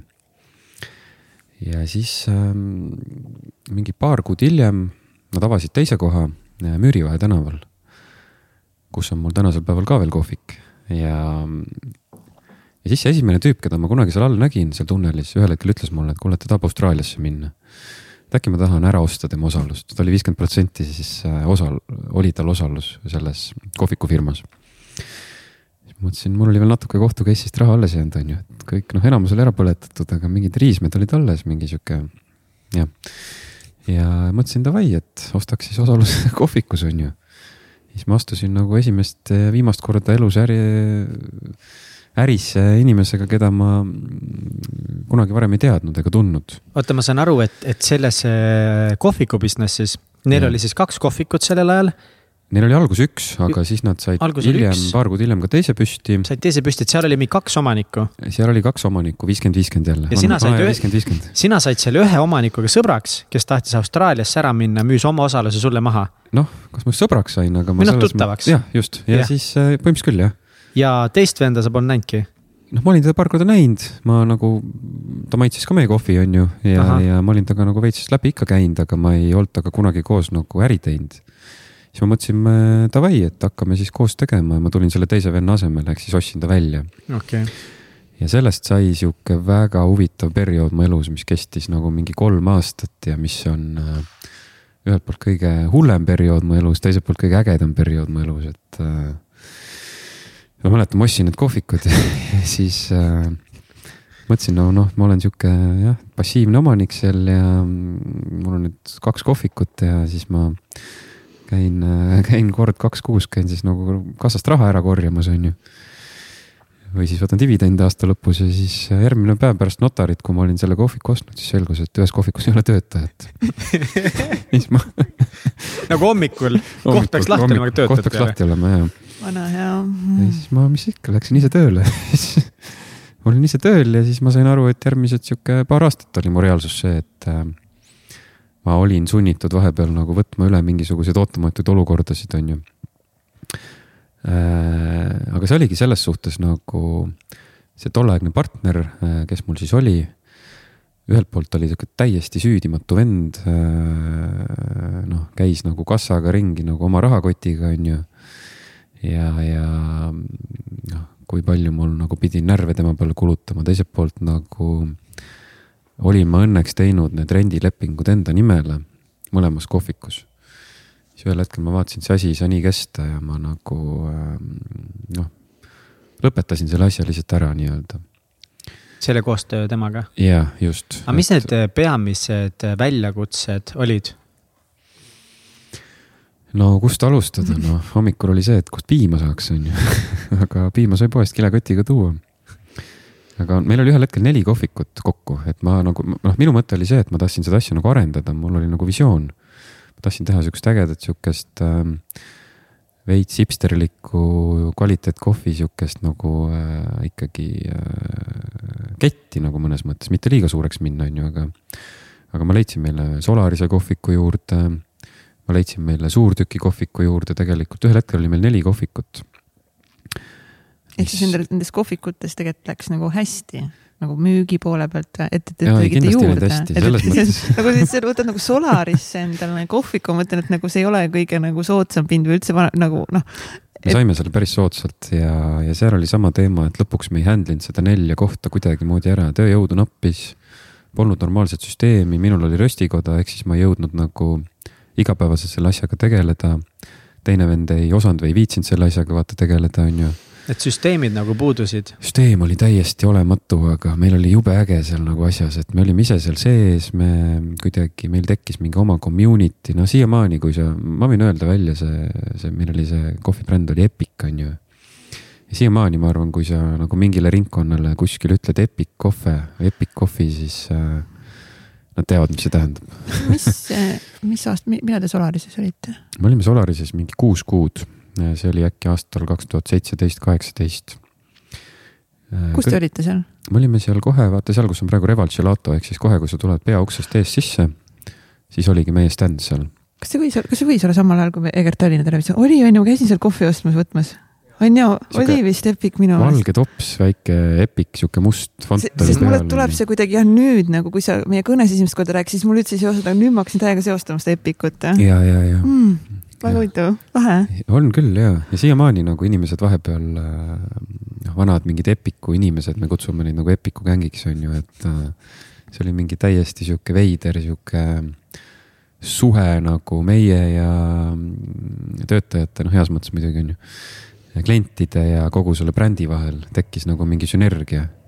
ja see oli sihuke rebellik, äge sihuke, ühesõnaga see oli äge et ma jällegi, ma ei kahetse. see oli nagu ma... äge, aga samas kõik oli lappes. kõik oli lappes. nagu äri koha pealt oli lappes. äri koha pealt oli täiesti lappes, lappes ja, ja noh, jällegi üliäge, et seda sai tehtud, vaata, sest et äh, sealt ma sain jällegi üliväärtusliku kogemuse nagu, kuidas äri alustada, kuidas äh, mingid terms'id kehtestada, kuidas shareholders agreement teha, on ju. kuidas kogu see protsess peaks välja nägema nagu kuidas see sinu eraelu mõjutas või millist mõju see sulle avaldas just nagu see, et, et sul oli see röstikoda sellel ajal ja siis nüüd sul on juba neli kohvikut ja protsessid mm -hmm. nagu lappavad veits? see oligi see, et ma ei jaksanud tegelikult äh,, ma ei jõudnud korralikult pühenduda röstikojale, ma ei jõudnud tegelikult pühenduda kohvikutele, mis ei olnudki minu see plaan alguses, on ju mm. -hmm. Eraelus vaata, me olime ka nagu äh,, mul oli vaata väike laps, on ju, ma mainisin, siis äh, tolleaegse elukaaslasega oli mingi sihuke kammaia käis äh,, lapse teemad, mis iganes asjad. pingeid oli ikka nagu sitaks, et äh, ja ma ei, ma ei teadnud sel ajal nagu mitte midagi, ma olin äh,, vaata praegu info liigub kiiresti, praegu iga, ma ei tea, üheteistaastane teab juba, mis on meditatsioon võib-olla on ju, või mis mm -hmm. on mhm. nagu mingisugune eneseareng. sel ajal nagu ma neid asju ei teadnud. ja siis ma tiksusingi nagu mingisugune, ma arvan, kolm aastat suht nagu paigal. ehk siis nagu ei arenenud korralikult see röstimispool, ei arenenud kohvikute pool midagi hakkas kurku kriipima mm.. ei arenenud äh, see äh, eraelu, on ju mm. -hmm. ja, ja see asi nagu vindus ja vindus ja samal ajal me olime selle naabriga, kellega me viskiäri tegime. tundus justkui, et kõik äh, oli hästi. tegelikult me elasime kuskil kakskümmend kilti linnast väljas, vaata. mina, tema oli mu naaber ja siis äh, päevad möödusidki nii, et nagu kuidagi jagasin enda aega nagu röstikoja kohvikute ja õhtul mingi trenni ja vahepeal viski mekkimise vahel, on ju. ja siis ühel hetkel ma sain nagu aru, et äh, kuule, et ma olen nagu, kus ma olen nagu, vaata sellist asja ma küll ei tahtnud, on ju. ja siis ma nagu mm, läksin coach'i juurde, ma avastasin coach'i läbi ühe enda tuttava. ja mu esimene coach nagu õpetas või, või ava, avardas mu seda maailmapilti ehk siis see hetk, kus ma olin nagu see kitsas funnel, kus ma olin mm -hmm. seisma jäänud, ma sain sellest aru, et ma olen mingisse väga kitsasse äh, funnelisse kinni jäänud. ja võib-olla ka veidi siuksesse süngesse. oo oh, jaa. väga süngesse. väga süngesse jaa, just. emotsionaalselt nagu väga süngesse. väga süngesse jah, kuigi ma tegelikult teadlikult ütleme, ma võib-olla ei osanud seda endale tunnistada. alateadlikult ma ju tegelikult sain sellest kogu aeg aru, on ju mm. -hmm siis ma käisin coach'i juures ja ma mäletan, et see oli sihuke nagu hästi äh, muutusterohke talv ja kevad. Et see coach kuidagi avardas seda maailmapilti, andis mulle nagu mingit infot, õpetas mind äh, olema parem inimene, usaldusväärsem partner, usaldusväärsem, ma mõtlen tööalaselt, on ju usaldusväärsem nagu äh, inimene töötajatele, ma sain aru tegelikult, et nagu kui mind kuhugi ei jätku siis see ei ole kellelegi efektiivne. ja siis ma nagu lõpuks tegin selle otsuse, et ähm, ma lõpetan siis täielikult ära nagu need äh, igasugused ärilised sidemed selle vana partneriga, on ju. ma lõpetan igasugused nagu mis iganes emotsionaalsed roller coaster'id oma selle äh, lapse emaga ära, vaata. ja ma täielikult tegin elus kannapöörde ja pärast seda siis paar kuud hiljem äh, ilmus mu ellu äh, mu tore, tore naine, kellega me siiamaani koos oleme. Shout out to, nimi, ütle nimi nüüd. Sabina. Sabina, oh ilus nimi, täiega shout out yeah.. Mm, üliäge. et ma olen väga õnnelik selle üle. et kohe, kui ma nagu lasin vana energia lahti, siis hakkasid uued asjad mu ellu tulema, onju. et hakkas tekkima mingi selgus äriliselt, tekkis selgus eraeluliselt, onju ja siis äh, asjad hakkasid ülesmäge minema, et ma hakkasin nagu nägema mingit äh, suuremat väärtust selles kohvi business'is üldse. Ühel hetkel ma leidsin omale partnerid mm,, kolisin uude asukohta. siis vist juba tuli bränd tegelikult Oa, algselt oli see tuntud nime all, mul esimene ettevõtmine oli äh, The Story, siis oli Estonian Coffee Roastery ja siis tuli Oa ühel hetkel lihtsalt tuli mõte, et teeks midagi hästi lihtsat ja eestimaist, on ju. ja siis sündiski nagu kuidagi täiesti hoobilt nimi Oa, et nagu, mis saab olla lihtsam ja eestlaslikum, on ju mm. -hmm. väike sihuke rahvusmusteri triip on ka seal äh, paki peal ja. ja sealt hakkas nagu asi kerima siis, et äh, tuli Oa, tulid uued partnerid, tulid uued väljundid äh,. mingi aeg olin selles äh,, noh, me ütleme, ma upgrade isin enda levelit, siis ma sain aru, et äh, ühel hetkel on vaja uuesti upgrade, siis ma kaks aastat tagasi jälle upgrade isin oma levelit. mis see tähendab? ma leidsin jälle uue partneri, ma sain aru, et selle partneriga nagu mul koostöö nii hästi ei sobi, on ju. siis ma leidsin oma uue partneri, kellega meil on äh, ka praegu koostöö, kes on ka praegu meie osanik. otsustasime, et äh, killime kõik teised brändid ära ja jätkame tugevalt selle Oa brändiga. ja, ja, ja siin me siis oleme, et äh, praegu olemegi nagu kaks aastat rõhku pannud Oale ja ma julgen väita, et see on üks, ma arvan, tuntumaid Eesti kohvibrände hetkel nagu kohvimaastikul on ju. See fookus ja nagu asjadest lahti laskmine, mis tegelikult ei teeni sind, on nagu nii oluline oh,.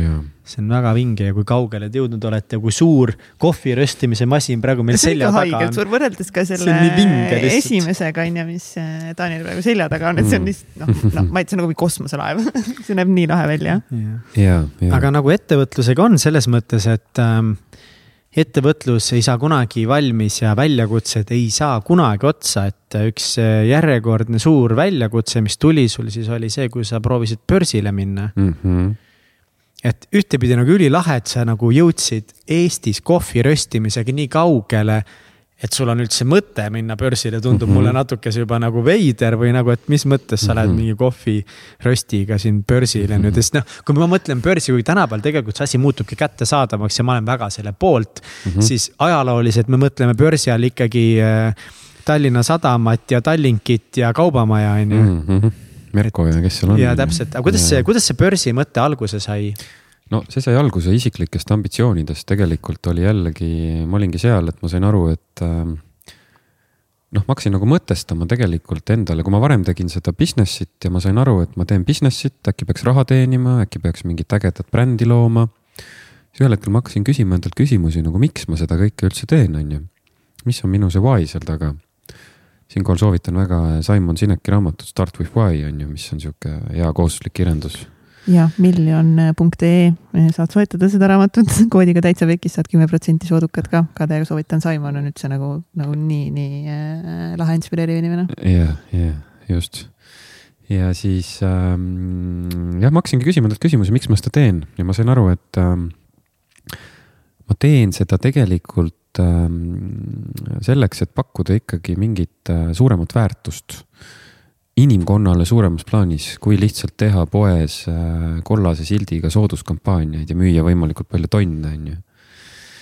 ja siis ma hakkasin nagu kaardistama, et nagu miks, mis see väärtus on siis, et mis see why ja how ja, ja what on, on ju. ja, ja ma sain aru, et, ähm, et nende plaanide realiseerimiseks, et see inimesteni tuua, mul vaja tegelikult äh, börsile minna.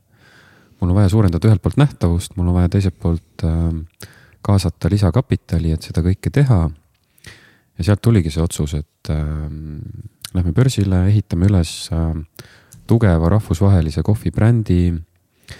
oleme innovatsiooniliidrid, meie siis visioon on olla maailma kõige dünaamilisem ja autentsem kohvibränd. mis see tähendab? mis asi, mis asi on dünaamiline kohvibränd yeah.? kõlab fancy't on ju kõlab äh, segaselt. segaselt, okei okay., ma seletan kohe. dünaamiline on siis olla pidevas liikumises, pidevas muutuses on ju, et me ei ole nagu äh, kinni selles, et, et davai, et meil on nüüd see hele keskmine tume röst ja me teeme seda või siis, et me äh, ütlemegi, et meil on, ma ei tea, seal äh, ühe selle härra Gonzalese farmist viis tuhat meetrit merepinnalt tulnud maailma kõige parem kohv ja that's it, on ju. dünaamilisuse all pigem me mõtleme nagu seda, et äh, me oleme pidevas muutuses ja, ja ühelt poolt nagu arvestame meie soovidega ja teiselt poolt arvestame kliendi äh, vajadustega, on ju, ehk siis äh, no ma toon näite, meil tuli äh, detsembris, me sisenesime enda jaoks täiesti uude kohvi äh, kategooriasse, mis on siis nagu maitsekohvid. ja me tõime turule kardemoniga maitsestatud äh, kohvijoad. me ei osanud mitte midagi sellest oodata ja sellest sai sihuke bänger, et me müüsime nagu kõik oma rekordid äh, selle ühe tootega lõhki, on ju ja siis me vaatasime, et davai, et äh, me ehitamegi üles sellise äh, elamuskohvide seeria, me kutsume neid elamuskohvideks. ja varsti te saate lähemalt kuulda sellest, need on õige pea nagu ilmavalgust nägemas, me oleme neid nüüd pool aastat kõpitsenud ja tuuninud.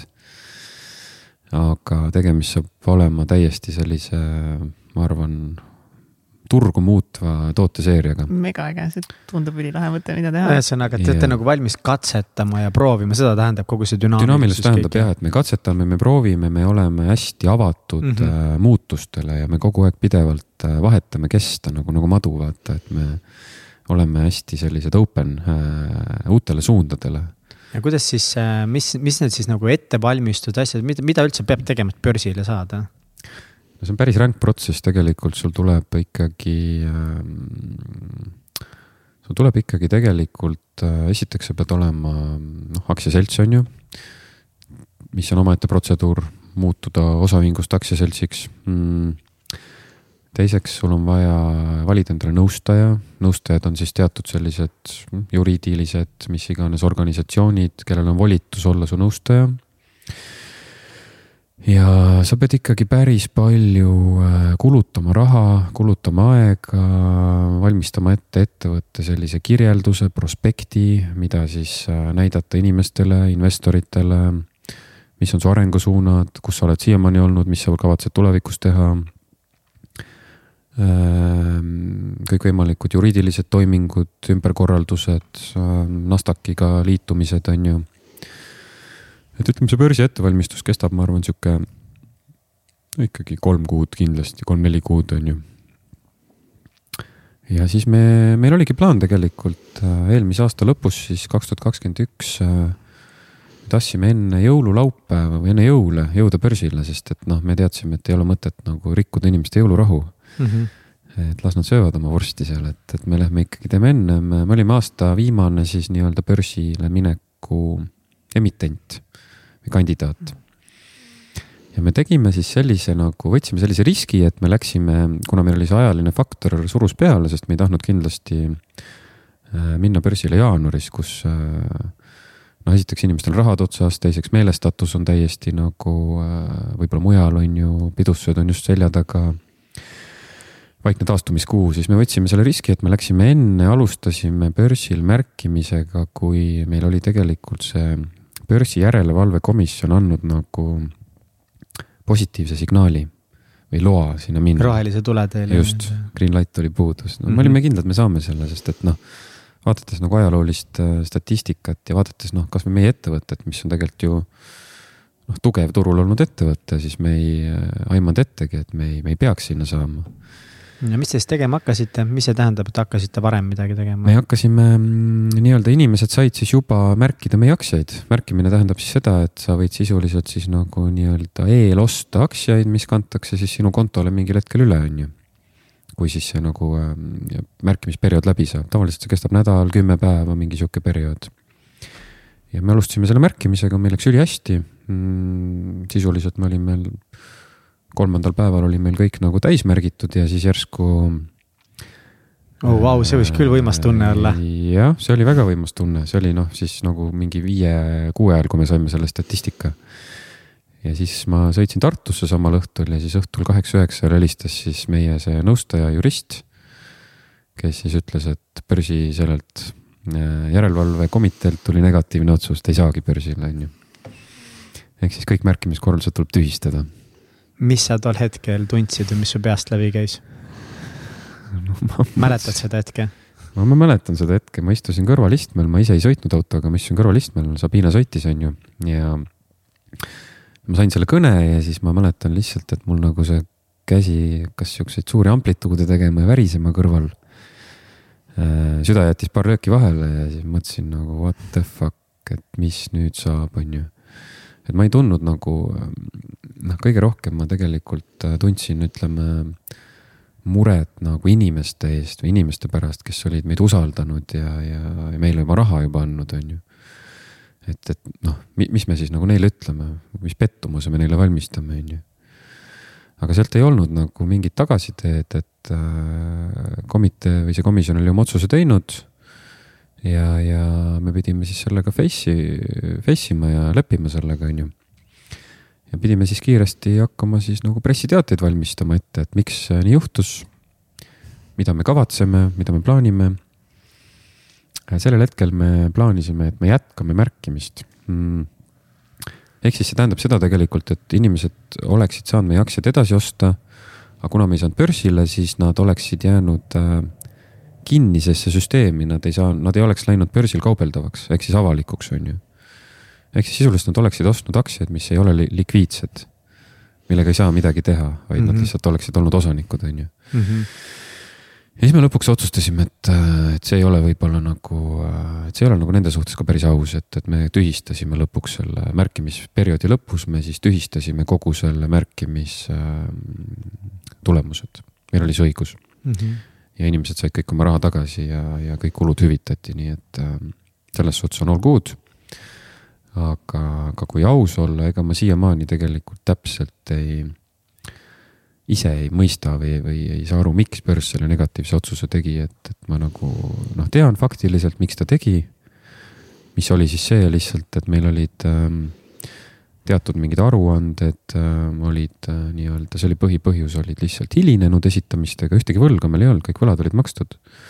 aga iga kuu on vaja ettevõttel esitada teatud siukseid käibedeklaratsioone mm., tulu ja sotsiaalmaksu deklaratsioone ja me olime neid lihtsalt vahepeal esitanud hiljem ja maksnud neid äh, rahasid hiljem, on ju noh, nagu siin ettevõtluses ikka ette tuleb. nagu ikka ette tuleb no,, täpselt. see on sihuke noh, ettevõtlus on ju eriti kui sa ostad kuskilt, äh, ma ei tea, hästi palju rohelist kohvi, paned sinna alla hästi palju raha kinni ja siis sul vahepeal võib-olla ei ole seda raha, et kahekümnendal maksta, maksad kahekümne teisel näiteks on ju.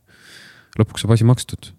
aga börsile jäi see pinnuks silma, sellepärast et äh, noh, nende arust siis see ei olnud nagu äh, justkui börsikõlbulik, et meil oli olnud neid hilinemisi ja sealt, see oli siis põhipõhjus, miks nad tegid selle negatiivse nii-öelda otsuse.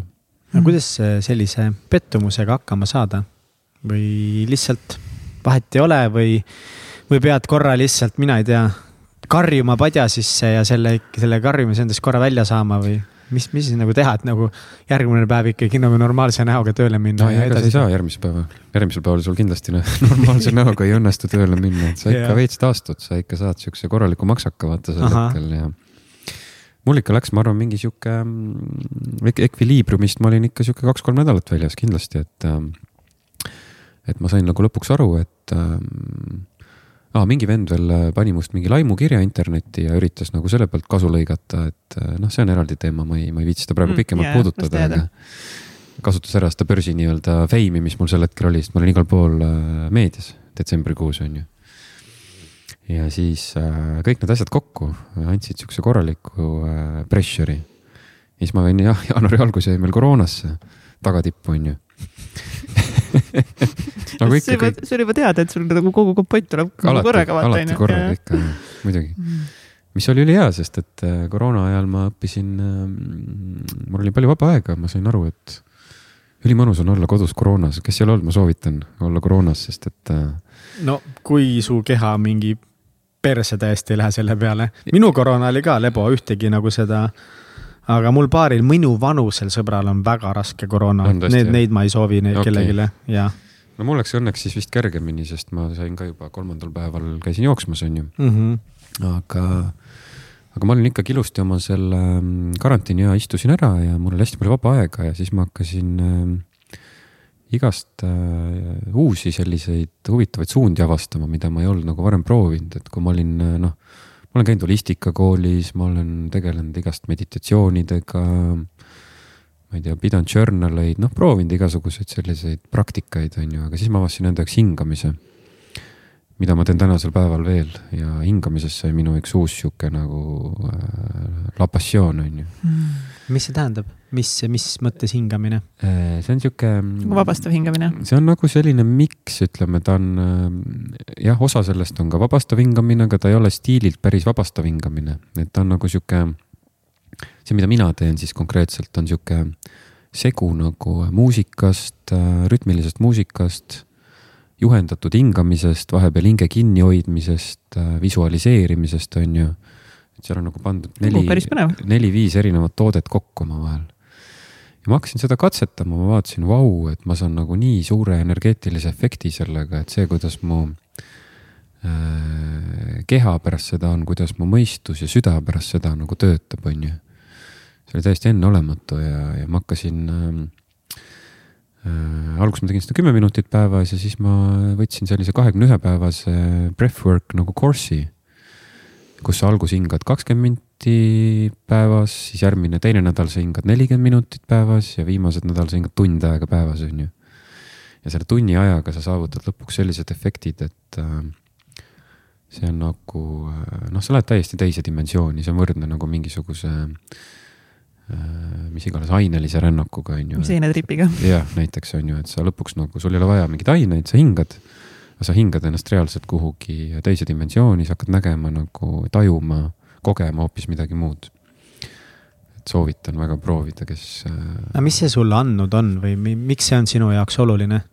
see on minu jaoks oluline sellepärast, et äh, ma tunnen, et kui ma seda hingamist nagu regulaarselt teen, siis ma pidevalt tegelikult puhastan ennast energeetiliselt, vaata see on tegelikult nagu see, et kui sa teed business'it, sa puutud hästi palju kokku erinevate äh, inimestega, erinevate energiatega, erinevate olukordadega ja sa tegelikult korjad veits nagu seda sitta endale kogu aeg peale, vaata päeva jooksul seda sibulakoore mustrit on ju, kogu aeg see kasvab ja kasvab. ja sul on vaja tegelikult mingit vahendit, kuidas äh, ise ennast regulaarselt puhastada, on ju ja mis kellele töötab, vaata, mõnele on see hingamine, mõnele on see võib-olla mediteerimine, mõnele on see mingi kombo. mõni käib retriidil iga kolme kuu tagant on ju, kus tehakse erinevaid praktikaid. ma käisin ka just retriidil, oli äge, oli sütelkõnd, kõnd ja jääauk ja kõik siuksed asjad on ju, et. võimas. aga noh, sa oled seal elemendis ära ja sa tuled nagu päris ellu ja siis sa ikkagi hakkad seda sibulakoort endale jälle peale korjama ja sa pead nagu tegelema sellega, vaata selleks, et olla sihuke kerge, õnnelik ja rahul, on ju. muidu see lihtsalt saab võitu sinust ühel hetkel. ja sedasi hingamine ongi mul andnud, ma arvan, et mm tahaks ähm, ühel teemal veel küsida, mida meil üldse puudutanud, aga mis mind äh, väga huvitab ma lähen sinna. no mine äh, nii, luba, luba antud Mihklile äh, startida äh,. kuidas on kõik see teekond ja ka need väga keerulised ajad mõjutanud äh, sinu teekonda isana? ja kui palju ja kuidas sa said oma lapse jaoks olemas olla ja milline isa sa olid just eriti alguses, kui mm. kõik need kohtu case'id olid üleval? ja see on hea küsimus ja ma olen selle peale ise ka tegelikult reflektinud ja mõelnud ja noh, alguses ma kindlasti ei olnud nagu äh, selles mõttes äh, alati äh, olemas, on ju. ma võtsin last, äh, me, meil noh, me leppisime kokku siis nagu äh, lapse emaga mingi kindla graafiku, mil, mis on minu graafik, mis on tema graafik. aga kuna mul oli nii palju nagu jama sellel ajal toimumas elus, on ju mm, -hmm. siis kindlasti ma ei suutnud nagu seda isa rolli võib-olla sellel hetkel äh, välja kanda, nii nagu ma ise oleks tahtnud tagantjärgi vaadates, on ju kui mul hakkas see pagas vähenema, siis ma sain ka aru tegelikult, et äh, isa roll on nagu päris äge ja mm. sa, sa tahad oma lapsega aega veeta, vaata, sa tahad nagu äh, vaadata kas teda. kas sul on poeg või tütar? tütar jah, mm. ta saab äh, üheksa nüüd äh, sügisel, oktoobris, nii et mm. jah. ja sa tahad vaadata seda kõike ja sa tahad osaleda selles ja sa tahad nagu olla tal äh, sihuke tugi ja suund, on ju see, mis sul endal puudu jäi. ja, ja muidugi mm -hmm. ja, ja see hetk, kus ta tuleb nagu lasteaiast ja jookseb issi-issi sulle vastu, vaata, hüppab kaela ja see on nii mõnus, noh. nii, nii ilus ja armas hetk mm. -hmm. ja siis äh, asi on läinud aina paremaks, et, et noh, ühel hetkel olid meil veel siis selle lapse emaga igasugused äh, lastekaitsest käisime vahepeal isegi läbi ja olid jällegi mingid siuksed äh, täiesti äh, ebavajalikud, äh, mis iganes egost tulenevad siuksed äh, lõikumised ja, ja võitlused, on ju. tänasel päeval jällegi ma vaatan, noh, et, et oli siis oli, vaata, et õnneks nagu hetkel on kõik stabiilne ja mõnus ja, ja kõik saavad omavahel nagu normaalselt läbi hmm,. see on mega oluline ja, et nagu no ongi mingi lapse pärast koos olla nagu ei ole mõtet, aga, aga koostöös olla nagu suhtes olla kui mm. lapsevanemad, mitte kui nagu noh, partnerid, aga noh yeah., lapsevanemad, sa oled noh, partner ka selles mõttes, aga. see on nagu väga oluline ja täiega nagu kahju ongi sellest, kui inimesed, kes lähevad lahku. ei suuda nagu luua seda koostööd, mm. et nad ongi tülis vanemad mm et, et see oli see, mis teil alguses oli ja. see oli see, mis meil alguses oli ja seal olidki igasugused, vaata, see ongi see tegelikult, et inimesed tõmbavad nagu äh, Äh, lapse kasvatamisele tasandile kaasa igasugused isiklikud äh, vimmad, vihad ja mis iganes lüüasaamist ja pettumused, on ju. siis tekib sihuke üks suur sihuke segane kompott mm. -hmm. lõpuks on nagu nii palju mingeid erinevaid tundeid on omavahel miksitud, mhm. on ju. siis ühel hetkel, kui sa suudad nagu eraldada ennast sellest ja aru saada, et noh, et näed, sul on erinevad rollid, vaata, sa oled lapsevanem. samal ajal sa oled nagu äh, partner äh, uuele elukaaslasele, samal ajal sa oled nagu mingisugune, ma ei tea, ettevõtte juht, on ju. samal ajal sa lihtsalt avastad elu ja tahad nagu, et ma ei tea, kõik sind rahule jätaks, vaata. kui sa suudad neid erinevaid rolle nagu nii-öelda eraldada, siis tekib selgus. siis tekib nagu see clarity, on ju mis aitas teil äh, sinu lapse emaga seda suhet parandada või see koostöö toimima panna? Aeg lihtsalt tegi oma töö, et, et lõpuks me olime nagu. no aeg, kas ikka aeg ainult, tead, ma seda juttu tegelikult väga ei usu, et aeg niisama parandab, sa pead ikka ajaga no, nagu jah. muutuma ka. niisama ta ütleme ise ei paranda yeah., et aja, aja jooksul me ikka mõlemad nagu muutusime jah, selles mõttes küll tegite tööd iseendaga? tegime tööd, noh, mina tegin tööd, et äh, võib-olla. võib-olla tema... seda oligi vaja võib-olla tema tegi ka, ma ei tea.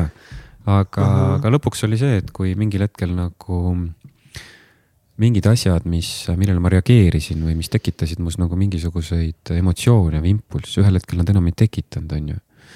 ja kui mhm. isegi sealtpoolt nagu tuli mingisugust jama või mingit jura, siis ma lihtsalt olin immuunne, ma ei reageerinud enam sellele, sest see nagu ma tõstsin nagu enda seda äh, energia levelit või vibratsiooni nagu, nagu siin äh, hästi palju räägitakse tänapäeval on ju vibratsioonist, et. et äh, kui seda tõstad, siis tegelikult kogu see jama nagu läheb sinust mööda, vaata. Ja sa ei suhestu sellega enam, on ju. ja ma hakkasingi iseendaga tööd tegema, ma käisin holistikakoolis, ma käisin igal pool äh, käisin teraapias, on ju, erinevates, äh, mediteerisin, tegin erinevaid praktikaid, õppisin nagu iseennast kõrvalt jälgima ja mingisuguse selguse saavutama.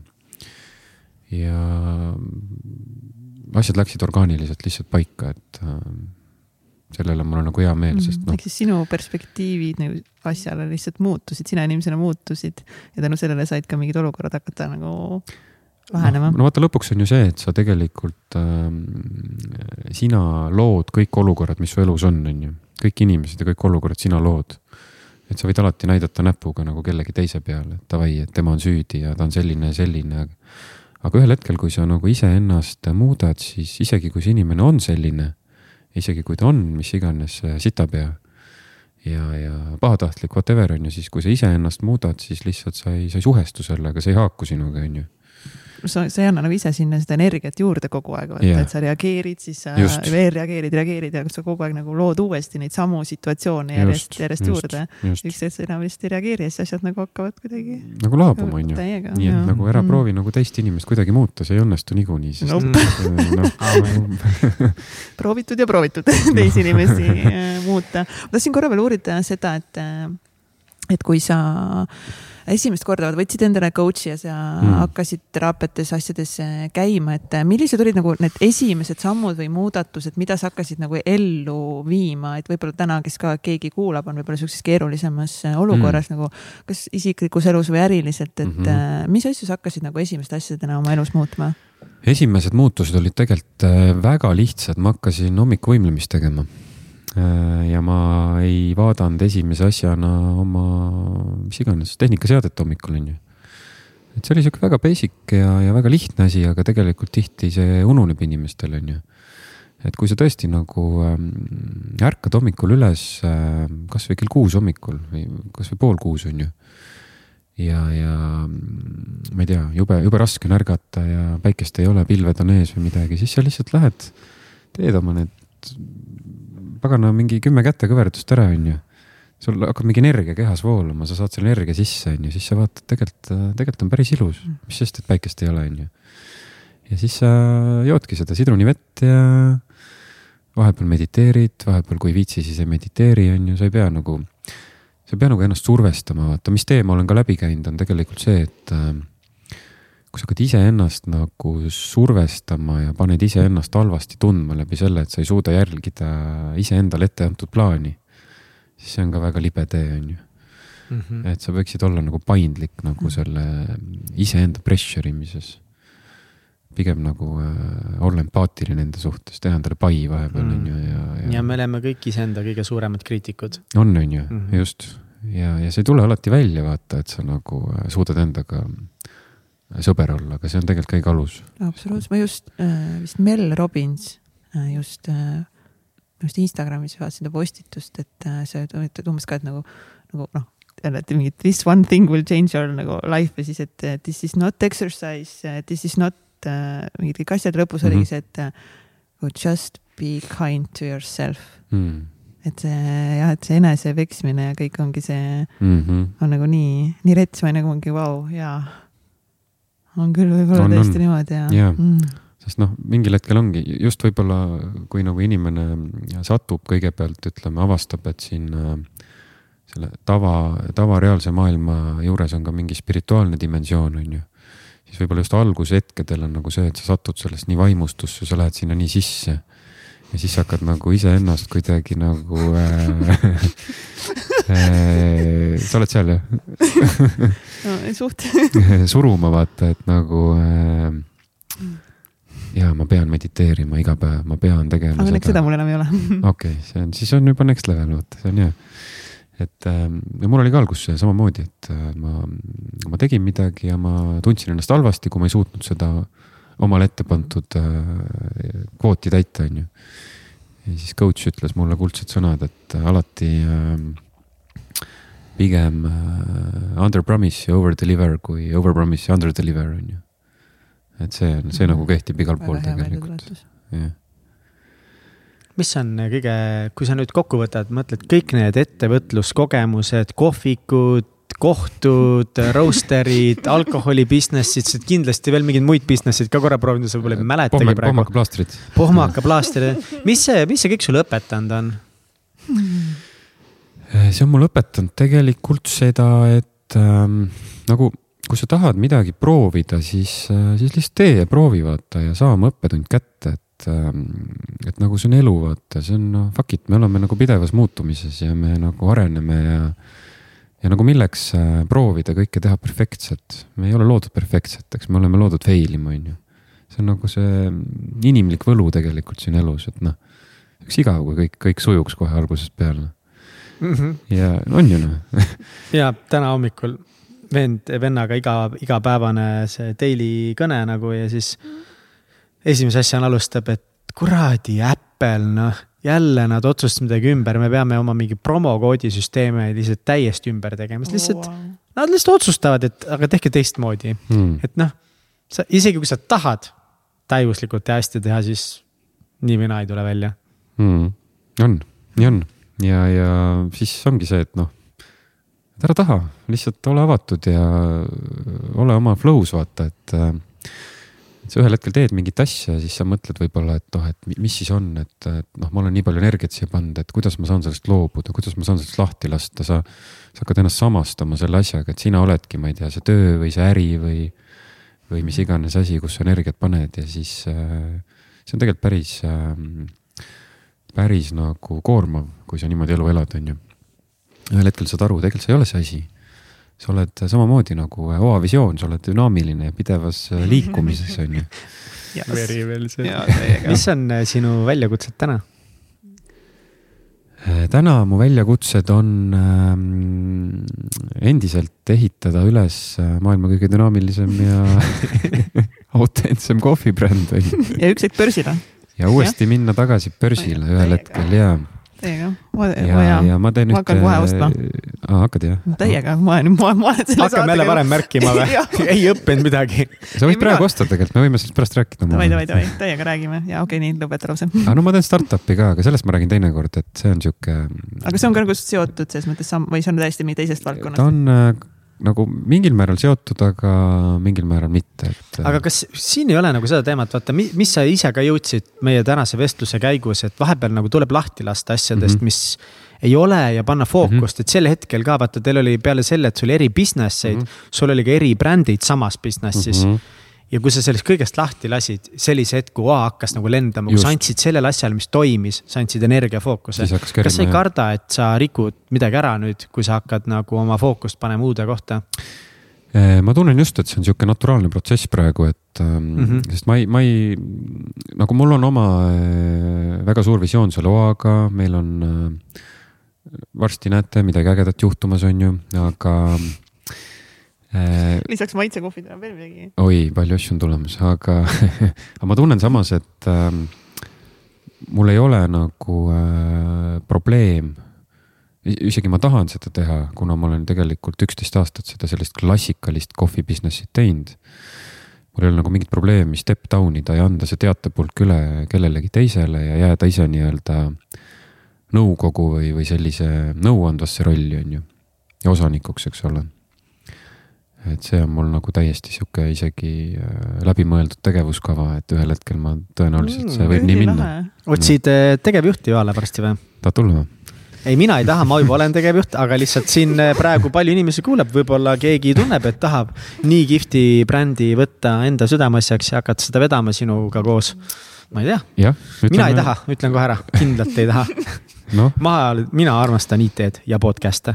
okei okay., ütleme nii, et ma olen avatud ja olen avatud igasugustele äh, mõtetele, huvitavatele ideedele, inimestele ja me isegi täna ju viskasime õhku eh, selle, et võib-olla siin Noaga teha täitsa pekkis sihukest kolläbi mm. -hmm. ja see oleks sitaks cool. see oleks, mul ausalt ma ütlen, see oleks nagu üks mingi täiega dream, lihtsalt kuna nagu kohvi on nii nagu äge. me kaks inimest, me armastame kohvi, me oleme Katsiga koos kohvi müünud veel väga oh. pikalt ja meie nagu sõprus saigi nagu tõelise selle nagu noh. hea äh, selle Brasiilia kohvitassi taga alguse ei, mitte alguse. mitte alguse, aga ja. seal nagu no,. nagu järgmise see, mingi taseme. noh, et enne seda me olime ikkagi tuttavad Aa. sõpsid veits nagu, aga festikateks me saime ikkagi kohvi müües. ja me tegime seda otsemüüki mm. siin Siinoga, müüsime seda Malongo ja Rumbautsi okay, okay. kohvi lisaks ka siis toidulisanditele mm. -hmm. aga see tõesti, see oli ka nagu mega, mega, mega hea kohv.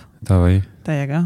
väga äge, näed, kohvi seob meid kõiki. kohv seob täiega täiega ja, ja, ja nii et äh, ja, ma loodan, et see saab teoks. just see, et sa ütlesid jälle, et sõbraks ja teie saite mm. sõbraks, vaata, me jõuame sinnasamasse tagasi, et see kohv tegelikult on ikkagi midagi enamat kui must vedelik, on ju mm. -hmm. ta on äh, sotsiaalne jook. täiega on ja no tegelikult on ju Eesti pere, nagu samamoodi ikka ju tegelikult on see, et nagu peo lõppudes on ikkagi kohvi ja, ja kook näiteks on ju, et no, alati. ka väike konjak. jah, absoluutselt täiega, et eh, noh, kes, kes ütles, et mingis saates meil ka vist seda, et, et siis kui hakatakse nagu noh, kohvi serveerima, et nagu peo nagu mingi noh, mingi eh, perekondliku tähisme lõpus, et siis on aeg nagu hakata ära minema, et aga see on alati nagu selline lihtsalt kuidagi jah, see on saanud võib-olla selliseks liiga nagu kergekäeliselt võetavaks protsessiks see mm -hmm. kohvi, et sellest võiks taas teha, et nagu tavakodanikele rohkem sellise rituaali või sellise mõnusa nautimise ja ongi, et sellest noh, et see on nagu üks eriline äh,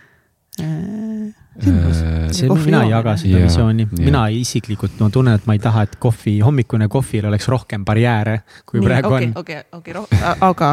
aga see, mis see on väga ilus, mis sa räägid ja osad kindlasti on nõus sellega ja, aga ma mõtlen, et okei okay,, mitte nagu nii ekstreemsesse äh, kohe nagu minna, aga näiteks ongi, kui sa vahetad enda äh, Pauligi Brasiilia kollase kohvipaki nüüdsest no, nagu näiteks. Ai, seda kindlalt ja. siis ja sa ei vala sinna kohe äh, täis keevat vett peale. seda ma olen ka nõus tegema ja no, see, ma ei teadnud nagu tegelikult seda vähe enne. nagu noh, lased tal lihtsalt olla veits mm.. aga ma ei pea vett keema üldse ajamagi, miks ma teda keema pean, ma võin ju mingi üheksakümne kraadi või kaheksakümne kraadi juurde ka jääda jah, ütleme sõltuvalt meetodist. ei, ei, seal ei ole ju mingit vahet, kui sa vesi keeb sajakraadine, sa saad tagasi kaheksakümneni, midagi ei muutu vees. hea sihuke kuldreegel, üheksakümmend kaks kuni üheksakümmend viis kraadi. okei okay, nagu., no siis ma lasen üheksakümne kraadini. no lase üheksakümneni jah ja jah, et juba need nagu väiksed asjad, mis mm -hmm. me mhm. saame nagu igapäeva, ongi hommikuks mitte, et kohe tead, võtame nagu nullist sajani, on ju, vaid mingid siuksed väiksed asjad ongi kvaliteetne. just, just ja, ja mis on veel tegelikult, see on ka meditatsioon, sest et sa võtad aega teadlikult, et seda asja teha, on ju, vaata igasugune asi on meditatsioon, sa võid nagu teadlikult jälgida mingit pinballi, on ju, see on ka meditatsioon, et. Äh, kui sa nagu oled kohal seal, et kui just. sa mõtled selle tegevuse peale, et tegelikult see on nagu hea point. ma valan seda vett siia kohvi peal nagu ma, ma tean veel näiteks, et need kohvioad ongi pärit kuskilt kuskilt Brasiiliast on ju, need on röstitud. tuleb see Pablo kohe meelde, kes on aga, aga, aga kas siinkohas tegelikult, kui me nüüd tahaksime, et see oleks meditiivne, siis tegelikult sa ei tohiks selle peale mõelda, sa ei tohiks selle peale mõelda, kus need kohvid on, vaid kui sa tahaksid, et see oleks meditiivne, siis minu arvates, nii palju kui ma lugenud mm. olen, sa ei peakski olema niimoodi, et sa just vaatadki. mul on praegu tass mm. käes, vesi voolab, et sa pead hästi hetkes olema, mitte sa ei mõtle selle peale, et mis see taust on, mis muud asjad on.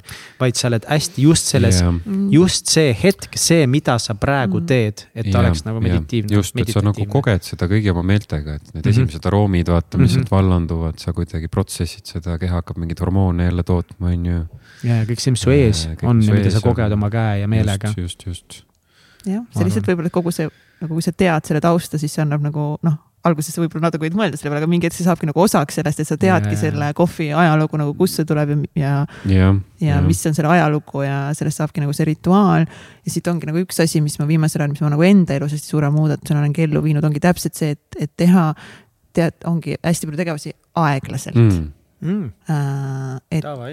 nii palju meie eludes me, me panemegi lihtsalt hullu niimoodi, ärkad üles, ongi nagu mingi kohvid, telefonid, ruttu pessu, mingi paned lihtsalt hambad lased, onju, kiiresti, et nagu samal Jaa, ajal mingi telefonis, samal ajal sa oled mõtetega juba kuskil töö juures, onju.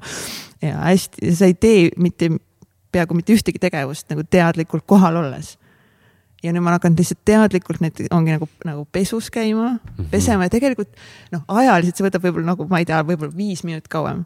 Aga Mhm. ongi, et ma mõtlen, ma olen kohal, ma rahulikult, ongi mingi, ma pesen, ma naudin enda keha, vaatan peeglisse mingi Mhm. jess, ma olen mingi täiega äge, võib-olla vahepeal panen mingi meditatsiooni endale käima, mingid afirmatsioonid Mm. ja no näiteks vee joomisega, siis me hakkasime allikavett jooma, siis ma panen seda vett, mõtlen oh my god, mingi täiega allikavesi, täiega toidab mind, teeb mind Mm. veel ilusamaks, no ma lähen iga päevaga aina nooremaks see on see, mis ma, üks mantra, mis ma olen hakanud endale hommikuti peeglis ütlema, see, et ma lähen iga päevaga aina nooremaks ja ilusamaks ja säravamaks. Ja et ja vahepeal ikka läheb meelest ära, siis jälle oh kats, rahu, tasakesi, rahulikult teed ja nagu õpid nautima erinevaid äh, tegevusi, mis sa Jaa. nagu päeva jooksul teed, Jaa. ükskõik, Jaa. mis need tegevused on, autoga sõitmine, poes käimine, et sa oled nagu ühe tegevusega kohal, ülilahe on. päris äge on tegelikult on ju. see rahustab ilmselt maha ka lihtsalt kõik, et ongi, sa tunnedki, et sul ongi rohkem aega, rohkem ruumi hingata. jah, sa nagu ei, ei multitask'i oma Mm. mõtetega igal pool nagu, et sa yeah, nagu jaa. praegu, et kui ma olen täna teiega siin, siis ma olen täna teiega siin, et ma ei mõtle, et mis, kuidas ma õhtul äh, koju sõidan või mis ma seal söön või mis ma teen homme. minu jaoks oli küll üks distraction siin vahepeal, mis mind väga häiris, millega raske hakkama saada. Need kastid, mis su selja taga on, kui sa võtaksid ülevalt, vaata selle ülema vasakpoolse kasti ära ja paneksid sinna alla esimeseks, siis oleks täiuslik trepp.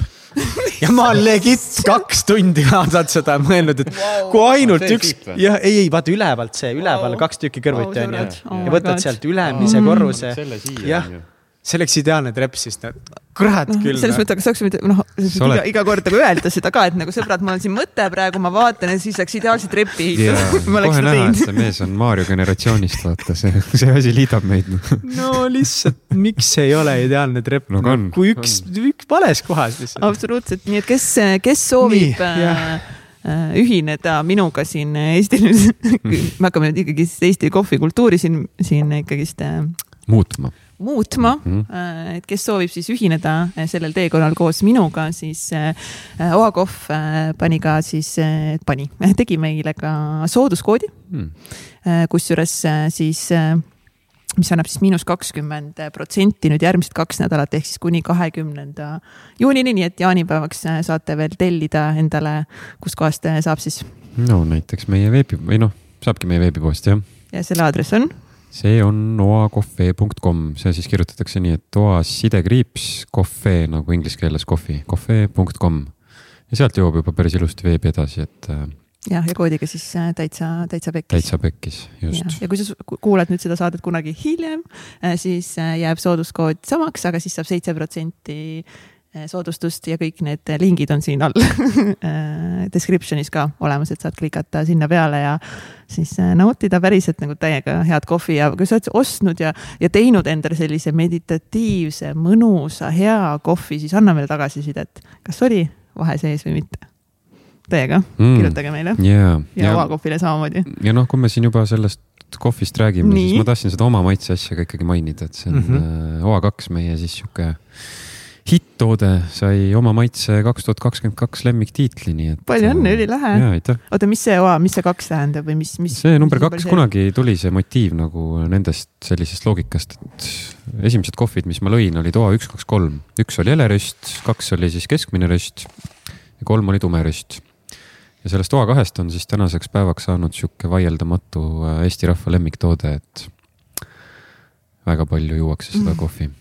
jaa, Uh, let OA number two's well balanced coffee beans welcome you to the exciting world of the world's most heavenly beverages. mm. The perfect taste combined with the right amount of energy. You will most definitely like it. Maybe even love it.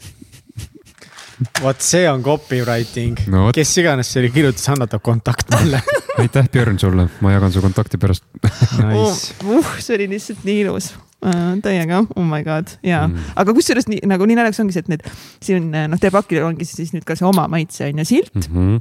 lemmikaks, et need päriselt need nagu sildid lihtsalt eh, reaalselt toimivad. ma ei tea Jaa. näiteks mul on nagu veiniga, et veinidel on see nautimuse märk Jaa. ja kuna ma ei ole mingi megasuur veiniekspert, aga mulle veinid meeldivad, next step on, ma saan veinieksperdiks pärast seda, kui ma sain kohvi eksperdiks. sa oled viskieksperdiks ka täna ju? täpselt Äh, siis jaa, et see täiega töötab. Need mm. -hmm. kuidagi need, need ja ma neid nautimus omast tunnustused ostan olid, niimoodi on ju. tihti, sest mina ei tea veinidest sittagi, see on mingi, mingi nautimus, mingi hea, no aga super ta, aga läheb. nad Ma ka ei tea veinidest, aga midagi. kinda on, ongi nagu. ei no ma usun, et ongi noh. jaa, ta on, mina noh? ei ole pidanud äh, selles mõttes pettuma selles, et Mm. Jah. noh, et sellised äh, tiitlid ja tunnustused samamoodi on meil noh, aasta podcast, et noh, sest ta annab ikkagist mingit kredibiilsust ja ostjale mm. Nagu annab, annab. täiega, nii et noh, ei, me olime ka selles suhtes väga äge, järsku nagu, ma mäletan, me osalesime seal ja siis järsku oli vaikus, mitu kuud ei teadnud, siis järsku oli postkastis nagu tiitel ja suur sihuke lõikelaud. et oleme siis äh, jah, oma maitse lemmik, nii et väga uhke tunne oli. jah, nii et äh, oakohv ka nüüd minu koju. on mingisugune uus slogan, just välja mõtlesin. igatahes äh, täiega aitäh sulle, Daniel, selle nagu lihtsalt nii tore oli sinuga vestelda. Lahe. ja see atmosfäär siin, me peaks rohkem selliseid asju tegema, sest teie jaoks võib-olla ma loodan, see vestlus oli äge nagu alati, siis meie jaoks kuidagi mingis teises kohas teha Mm. saadet kohvi roaster'ist näiteks. On üli-ülivinge kogemus, nii et ma olen isiklikult hästi tänulik ja täiega, täiega lahe oli, väga fun, aitäh. Aitäh teile ja olete alati teretulnud siia, et võite siin alati Will- podcast'e salvestada. Will be back. muidugi, ärge unustage, et äh, ma ütlen isegi, kui me meil tuleb ikkagist täitsa pekis kohvi kollab teha. inimesed yeah., tuletage seda meelde. We are gonna do it. küsige mingi poole aasta pärast, kui kohvi kollab, et kuulge, kus teie kohvi kollab on. meid peab yeah., meid peab accountable hold ima, nii et nüüd eesti keeles rääkides jah, eesti keeles rääkides meid peab siis võtma vastutusele. just, aga igatahes aitäh, kallis, et sa olid taas kord meiega ja ilusat äh, elu aitäh Mm-hmm.